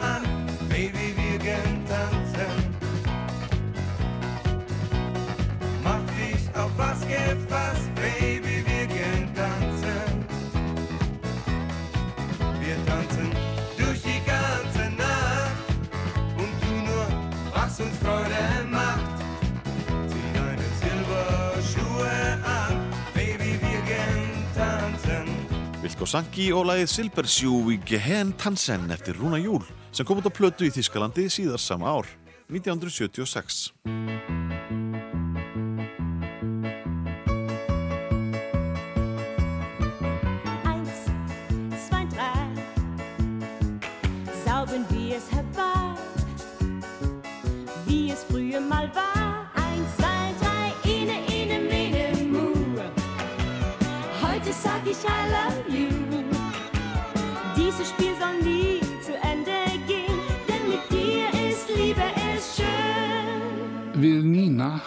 við giftum okkur í München, þá bjögum við aðeins fyrir norðan München í útkverju sem heitir Lóhóf.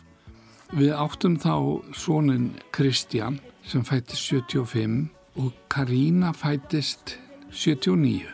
Karína og Kristján búa bæði í Stokkólm Ári eftir að eiginkona Þóris, hins sænska Nína Dísel, hafði fætt þeim sonin Kristján Thor, gaf hún út smáskifuna 1, 2, 3.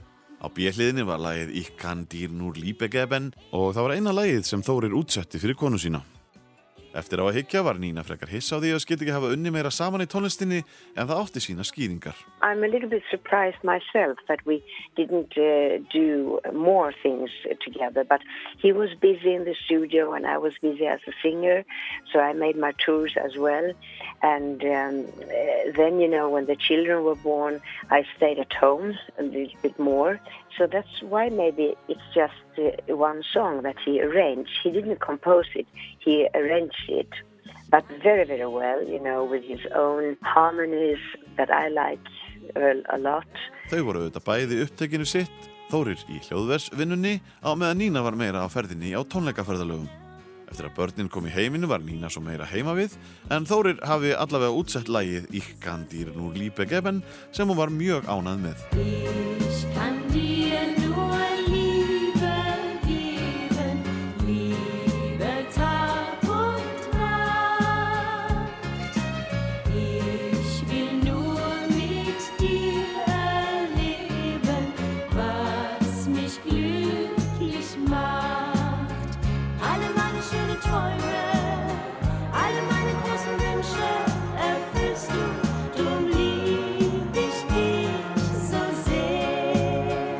hvað segir Þórir?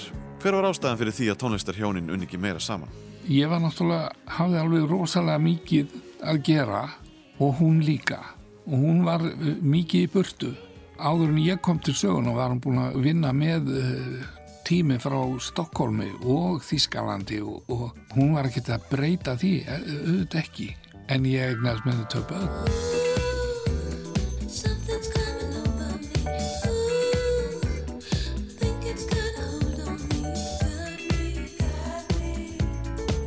Þú ert að hlusta á Rás 2 og við erum að fjalla um tónlistaferil Þóris Baldurssonar í tilefni af 60 ára starfsamæli hans og við erum komin að haustinu 1976 þegar Donna Summer var komin í hljóðver á ný. Allt kapp var lagt á að klára plötu sem átt að koma út í oktober og sem fyrir voru það Giorgio Moroder og hans hæri hönd Pete Bellotti sem stjórnuðu upptökum og sömdu lögin á samt Donnu. Þóri Baldursson útsetti plötuna og sá alfarið um strengja útsetningarnar. En hvernig lýsir Þórir samstarfinu við Bellotti og Moroder? Pete Bellotte var textagægin sko. Hann samti textana og Moróter samti laglínurnar. Takt eftir því ég, ég sé laglínurnar, hann var engin hljómakarl. Hann var svona eins og menn kölluðu átt whistling composer sko. Hann flautaði lagið og það átt hana. En um, það sem að, að gerði það að verkum að, að Donna vildi alveg absolutt vinna áfram með mér var það að ég fekk nokkur svona lög frá Moróter flautu eða blístru eða, eða eitthvað eða trölu og ég gerði síðan demo með undirleik sko. Og þá var komin texti frá Bilotte og um, ég söng líka laglínunar á demónur fór í stúdíó til að gera þetta Arco stúdíó þá fyrst fór ég að nota sko minimúk bassan þó að það væri ekki síðan gert á upptökumuna Donnu en þetta tókst alveg rosalega vel já það vel að plötufyrirtæki Casablanca keipti þessu lögu vildi, vildi gefa það út og ég sá um það Væri þá ekki raun eðlilegt að Þóri Baldursson fengi hlutdæld af stefgjöldum á öllu þessu efni sem hann vann fyrir Giorgio Moroder og Donnu Summer? Ég var alltaf æðislega sofandi fyrir mínum réttindum. Ég sá aldrei peningana sem voru í þessu. Ég var svo á bóla kafi bara í tónlistinni, bara komst ekkert annað að hjá mér. Bara tónlistin, hvernig leysi ég þetta eða hitt. Þannig að þetta satt á hakanum og gerir enn. Hvað eðlilega áttur þú skilið? Ég veit ekki. Ég get eiginlega ekkert fabúlera um það. Ég veit það bara að ég samti sko alveg helling af alls konar svona til að brúa bílið milli, milli kabla. Það var eitthvað sem var svona vandræðilegt og, og kannski fjall ekki alveg saman. Þá samti ég eitthvað inn í það til þess að brúa bílið. Kannski áttatakta sóló eða eitthvað svona interlút sko. Og svo náttúrulega bara fyrir útsetningarnar. Það kom ekki frá neinum öðrum en mér. Þannig að ef ég hefði verið businessmaður þá hefði ég náttúrulega viljað eigna mér hlut af höfundarættinum. En Moróður var gallharður businessmaður og uh, Bilotti þótti líka úa væntu peningarna sína. Þið þóttu vatnum músíkina. það komst ekki annað að hjá mér og það, það er eiginlega svolítið þannig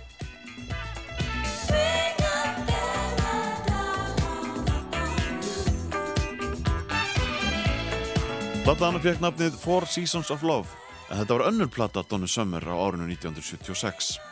Á plötunni Love Triology sem kom um vorið var hljóðursbandið Munich Machine kynnt til leiks en það var í aðallutverki á fjölmörgum hljómplutum sem George Moroder og félagar framleitu næstu árin. Svo hérna fá menn þessa hugmynd sko hvort það var Móróter eða Bilotti, ég, ég veit það ekki maður gera plötu bara með, með hérna, þessu gengi og kallaði eitthvað og, þeir fundu nafni Munich Machine Árið 1976 kom svo út platan Munich Machine Introducing the Midnight Ladies.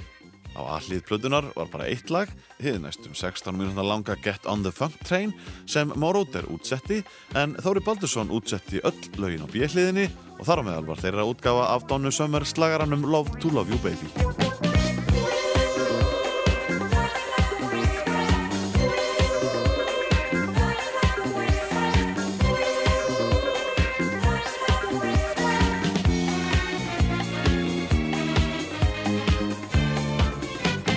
Bakrata sönglokkurinn Midnight Ladies gerði plötuna með Munich Machine en hann skipuðu bresku sýsturnar Sue Glover og Sunny Leslie og bandaríska sálarsöngunan Madeleine Bell. Þær hittust fyrst við tökur á plötunni Tumbleweed Connection með Elton John sem kom út 1970 en svo aftur sex árum síðar í munn hér á plötu Donna Summer for Seasons of Love og það var upphafið að samstarfinu við Giorgio Moroder og félaga. Madeleine Bell var reyndust að þeim, hafði gefið út nokkrar soloplötur og sungi bakrættir með Rolling Stones, Donovan, Joe Cocker, Long John Baldry, Rod Stewart og fleirum. Þóri Baldursson var hljómsveitastjóri í Munich Machine og valdi þá hljóðfarleikara sem spiluðu með honum. Bassarleikarinn Les Hurdle segir frá. Musically, I would say he was. In those days, of course, there was a lot of input from everybody, really. Um, but uh, I would presume that if one has to put a leader, it has to be Giorgio, because I guess he was the producer. But certainly, in terms of what went on in the studio, um, Toro was, was, in my opinion, in charge. I, I didn't didn't know anything else. I mean, that was it. Ég útsett alltaf. Auðvitað er þetta alltaf samvinna líka. Það er ekki bara einsmannsverk. Ég var hægri hönd Móróders í þessum málum, í músiklega sko.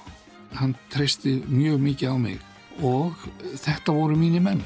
Þannig ég vildi hafa þá í upptökum og uh, þannig var það bara.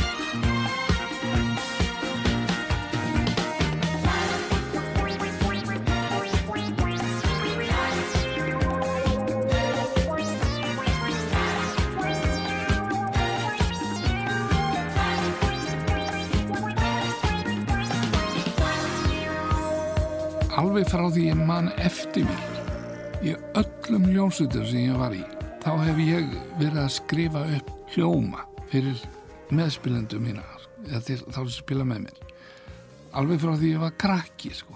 skrifa upp hljómagrindina þetta er eins og sá sem getur aldrei þagað sko. þannig að ég, ég er alltaf að tjá mig þetta nei, ekki þessi hljómar eða þú veist þannig að ég held að það hafi nú bara verið út af þessari áráttu hjá mér að ég leitist út í þetta að skrifa líka og útsetja. Og uh, það vatt bara upp á sig ekki bara hljómanir heldur strengja útsetningarnar plásara útsetningarnar já, svona bakrættir stundur En hvaða hljóðfarleikara voru þetta sem skipuðu með honum Munich Machine? Keith Forsey, hann bjó í München ennskur trómari og giftuð þískri konu og Keith var alveg típiskur ennskur humoristi og frábær trómari hann endaði síðan með því að flytja til Los Angeles þar sem við vorum fartin að vera ansi mikið. Og hann settist þar að hann Keith og uh, varð síðan setna mér uh, producent Billy Idol. Og hann samti bæði fyrir Billy Idol White Wedding er eitt af þeim It's a nice day for a white wedding. It's a nice day to start again. og eitthvað annar lag fyrir, fyrir Simple Minds sem ég man ekki hvað heitir en bæði þessu lög eru gríðalega stór og uh, nú siglir hann bara um á sinni skútu og hefur það náðist í uh, Kaliforni Don't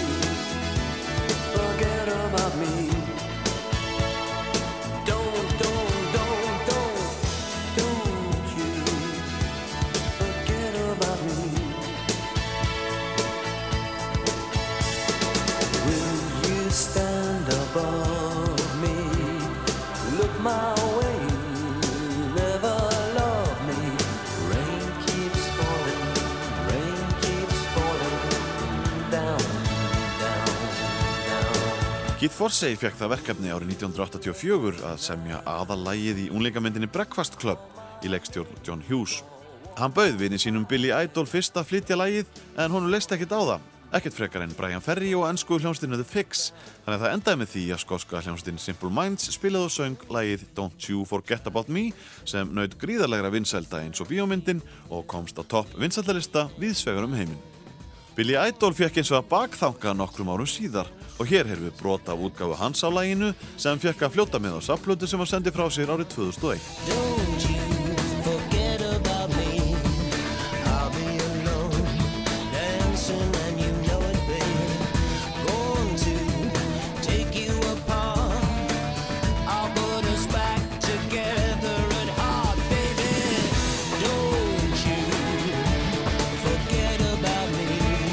me. Bassarleikari Munich Machine var Les Hurdle frá London. Við höfum alltaf haldið kontakt, ég og Les. Les flutti líka til Los Angeles og býr þar núna. Hann eh, samti eins og það er engin lög sem að örðu svona vilika stóru og þau sem að kýð samti. Þannig að hann siglir ekki um á skútu. En um, Les er tryggu vinnur og ég fæ reglulega frá honum post. Það sé ég man, skríti ég man, eh, eh, eitt sem að Les kendi mér, hann sagði í London, það var svo mikið stress í kringum stúdíóvinnuna, sko. Ef að menn mættu fimm eða tíu myndum á seint, þá var sá tími, hann var dregin af launónu þeirra. Þannig að menn mættu yfirleitt ekki seint og það er challenge í uh, London að mæta ekki á seint því að umferðin er, er og var alveg svakaleg. Les Hurdle rifjar hér upp þegar hann hitti strákana í Munich Machine í fyrsta sinn. Hann hafði verið í Berlín að spila á plötu þýska tónlistamannsins Michael Holm og í framhaldinu var hann bókaður í Union stúdióið í München. It was a great evening, and we got drunk. and I was impressed. And the reason I was impressed uh, was I'd never worked with these guys in Munich before, and uh, there was just something about the way they worked that was not the same as, as London. And uh, it was uh, exciting, to be quite honest. Les Hurdle var hrifinn af Munich Machine og sérstaklega ánæður með Þóri Baldursson sem hann kallaði Toro. And um, Toro amazed me. I, I couldn't believe it. Here's this white guy who couldn't have been any whiter, who played like a black guy. Well, anyway, of course, I've learned afterwards that where he lived in Keflavik, there was a USAF station, radio station nearby, and he could listen to R&B and all that stuff from that station, and then consequently he learned to play piano that way, and he was fantastic. Les Hurdle átti erfitt með að lýsa undrun sinni þegar hann heyrði Þóri Baldursson spila og vildi meina að þessi skjanna kvíti Íslandingur spilaði eins og blökkumadur og líklega hefði hann lært að spila á þennan hátt með því að hlusta á kanaútdorpið. En það voru aðalega tveir gítarleikara sem unnu með Munich Machine. Annar þeirra var englendingurinn Geoff Bastow en hinn var svíinn Mats Björklund. Mats hitti Þóri í Union hljóðurinu 1975 þegar hann var í upptökum með hljómsett sinni The Spotniks. Og Þóri rátti svo sannarlega eftir að verða örlagavaldur í lífi Mats Björklund eftir að spurðan spurningarinnar sem hann hefði dreymt um að heyra. Do you want to come to Munich and become a session guitarist? Ég heyrði hann spila og fannst hann alveg rosalega góður. Svo ég spurði hann hvort hann hefði áhuga á því að flytja til München og vinna í stúdíu. And I said, that would be my dream, but I don't know if I'm good enough for that. I'm, I'm not very uh, used to reading music. But he said, uh, give it a go. And uh, we don't write everything down in notes. It's normally just rhythm charts. So I said, yeah, let's give it a try because it was like a dream. Mats var ekki vissum að hann væri nógu góður gítarleikari en Þórir kvart hann til að láta slag standa og hann samþykti að reyna fyrir sér í munn hér. Svo ég beitti mér fyrir því að útuga honum íbúð og lögfræðing til þess að sjá um innflytjendamálun og svo framvegs. Þeir eru nú ekki, eða voru ekki sérstaklega skemmtilegi þú verið að, að díla við sko. Red tape í bæinn, það var ekki sérstakt sko. En hérna, þetta gekk nú allt saman. Mats hætti í hljómsdynni Spotniks og flutti til munn hér frá Gautaborg. Hann er Þórir æfinlega þakklátur fyrir hans tátt í því að fá hann til munn hér, þar sem hann býr enn og starfar. And Thor, he was such a help. And coming to a country I didn't even speak the language, but Thor, he just opened up all the doors for me And now, like 40, 40 and some years later, I'm still here. So uh, that was the start of a, a new career for me. So I'm very, very thankful for what he did to me. Sagði Mats Björklund í viðtali við Gunnlaug Jónsson í fyrra. Hann rætti líka við annan náinn samstarfsmann Þóris Les Hurdle sem sagði ótrúlegan mun á tónlistasennu í munn hér og í Breitlandi. The pay compared to England was unbelievable. It was two, three times more than what we ever got in England. And we got treated like human beings, which it didn't happen in England. We were fed if we had to stay overnight. You know, the hotel was paid for. I, it was just unbelievable. And it didn't matter if you were working for Georgia or Kordelich or any of those guys. You were treated like a human being. Launin í Þýskalandi voru tvisvar til þrísasinnum hærri en Les hafði fengið í Englandi og aðbúnaðurinn miklu betri í alla staði. En af hverju varð munn hér svona áberandi í diskosenunni á 8. áratögnum? Það var hann að hópur fólks sem að uh, frábærir hljófræðleikarar og uh, við byggum til svona ákveðið sound í kringum þetta brjálaði sem var komið í gang sko, þetta, þetta diskotek sko og kemur náttúrulega frá bandaríkjónum sko upprunulega og, og Philadelphia soundið. Við vorum svolítið í þeim gýr sko nema munnkjennar strenginir voru með eitt sem var alveg spes munnkjenn og það var það sem strenginir spila svona háanótu svona stab þau stinga sko og háanótu og láta hana, dett, láta hana falla. Djú, það var svolítið munnkjennar strengja stílin, það þóttu flott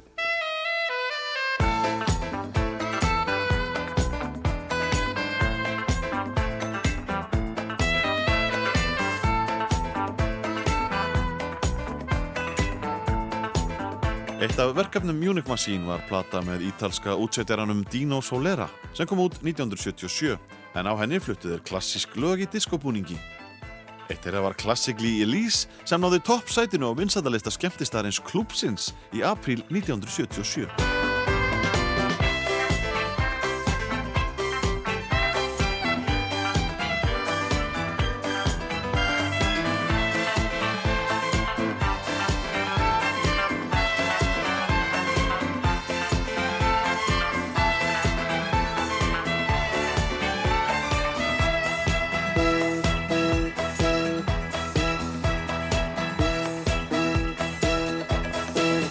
Leiniljómsveitinni The Lonely Blue Boys kom eins og stormsveipur inn á íslenskan tónlistamarkað sömverið 1975 með plötuna Stuð, Stuð, Stuð þar sem titilæð og lögin í Búðardal og það blanda allir landa upp til stranda urðu risa smellir. Í fyrstu fóru liðsmenn sveitarinnar huldu höfði en það duldist reynda fáum hverju voru þarna ferðinni. Fyrir um liðsmenn Hljóma, Gunnar Þórðarsson, Rúnar Júliusson, Engilbert Jensen og Björgvin Halldórsson. Til að fylgja eftir vinsældunum sendi sveitin frá sér aðra plötu, hinn gullna meðalveg, fyrir jólin 1975 og meðal laga þar voru Harst núna Hanna, út og söður Þrumustuð og lag Þóris Baldurssonar Mér líður svo vel við texta Þorsteins Eggertssonar. Eins og smáfugl út í sumarsól Líður mér síðan að þú komst heim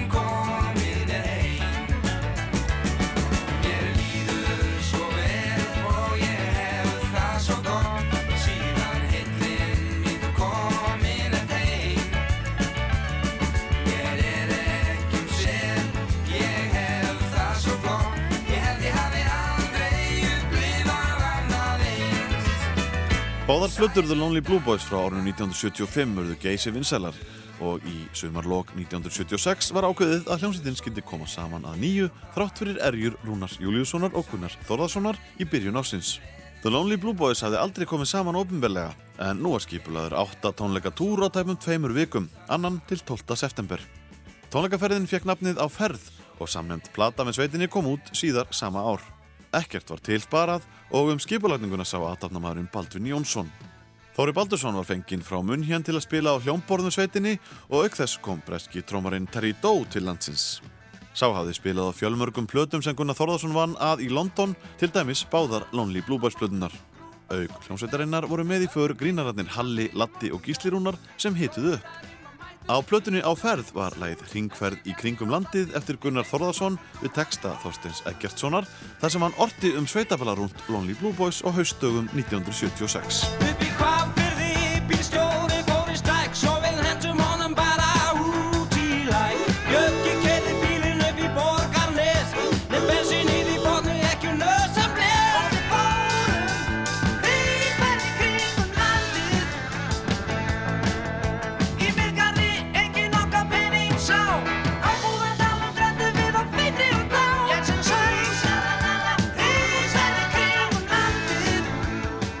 Trómarinn Terry Doe hafði aldrei kynst öðru eins þegar hann lísti Íslands heimsókt sinni í viðtali við Vísi 14. september 1976.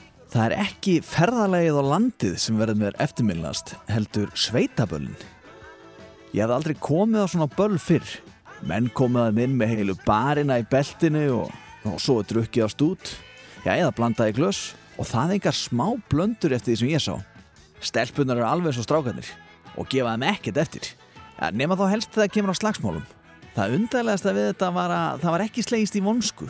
Ég sá menn sem hefðu verið að gefa okkur öðrum á kjaftin á ballinu siti eins og bræður eftir þá og rétta okkur öðrum flöskuna á milliði sem er rák upp öskur já, sem átti víst að vera söngur. Veginni minna á hestvaksvegi í gömlu kúrekamyndunum. En það bjargaði að landslæði svo stórbrotið að maður tekur alltaf eftir í hversu slæmið þeir eru. Ég held að það trúi mér ekki nokkur maður þegar ég fer að segja sögunar og ferðinni þegar ég kem heim aftur.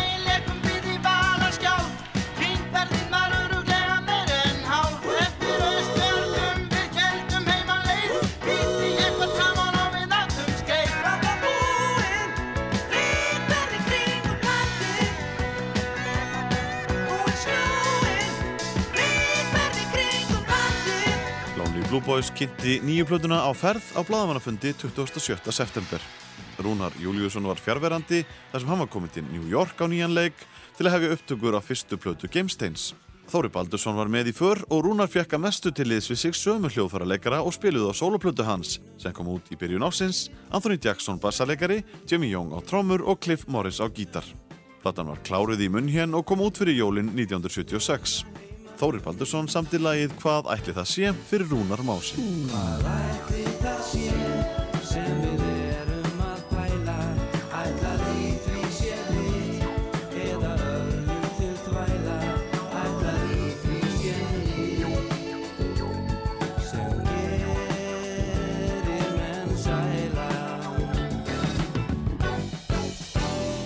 Upptökur hófust í Soundtech hljóðurinn í New York í september þar sem Rúnar tók upp sína fyrstu plötu en upptökurnar heldur svo áfram í Arko-stúdíónu í munn hérna í framhaldinu. Rúnar gaf plötuna út undir nafninu Gamestate en Rúnar og Marja áttu að starfrækja hljómsveit með sama nafni næstu árin. Við endum þennan fyrir hluta umfyllunar um 60 ára tónlistaferil Þóris Baldurssonar á læginu Betri bílar, yngri konur eftir bandaríska country söngvaskáldið Tom T. Hall við texta Þorsteins Eggertssonar en uppaflegi titillin á læginu er reyndar Faster Horses, The Cowboy and the Poet. Gunnlaugur Jónsson aflaði heimilda og tók viðtöl en ég heiti Áskir Eithorsson og við félagarnir sáum um dagskrafgerð og samsetningu. Meðal þeirra flytjenda sem koma við sögu í setni hluta þáttarins og tengjast Þóri á einn eða annan hátt eru Boney M, Roberta Kelly, Donna Summer, Grace Jones, Elton John, Russell Stone, Gammar, Björgvin Haldursson, Bubi Mortens, Kvarasi og Guðskus. Takk fyrir að hlusta. Ég sagðist vera skáld, ég vildi sannleik ekkert spér Ég sagðist hvorki vilja bíla, viski eða þér Svo hvaðst ég hafa hugssjónir sem öll mín trú er í Hann leit upp og sagði, þú lígu því. Betri bíla,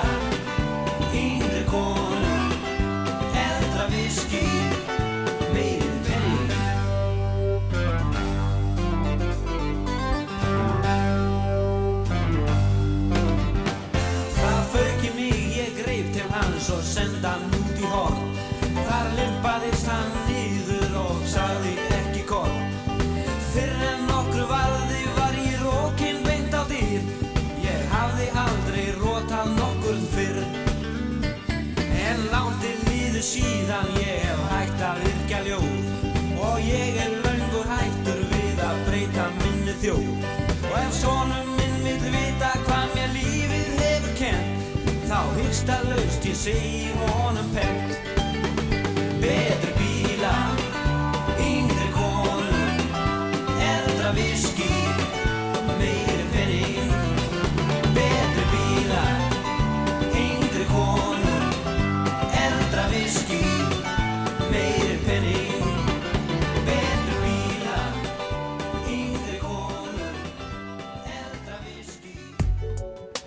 Þessi þáttur var hluti af sumargjöfur ásar 2. Þú getur nálgast fleiri þætti úr safnir ásar 2 í spilaranum á rúf.is, í rúf appinu fyrir snjalltæki og öllum helstu hlaðvarpsveitum.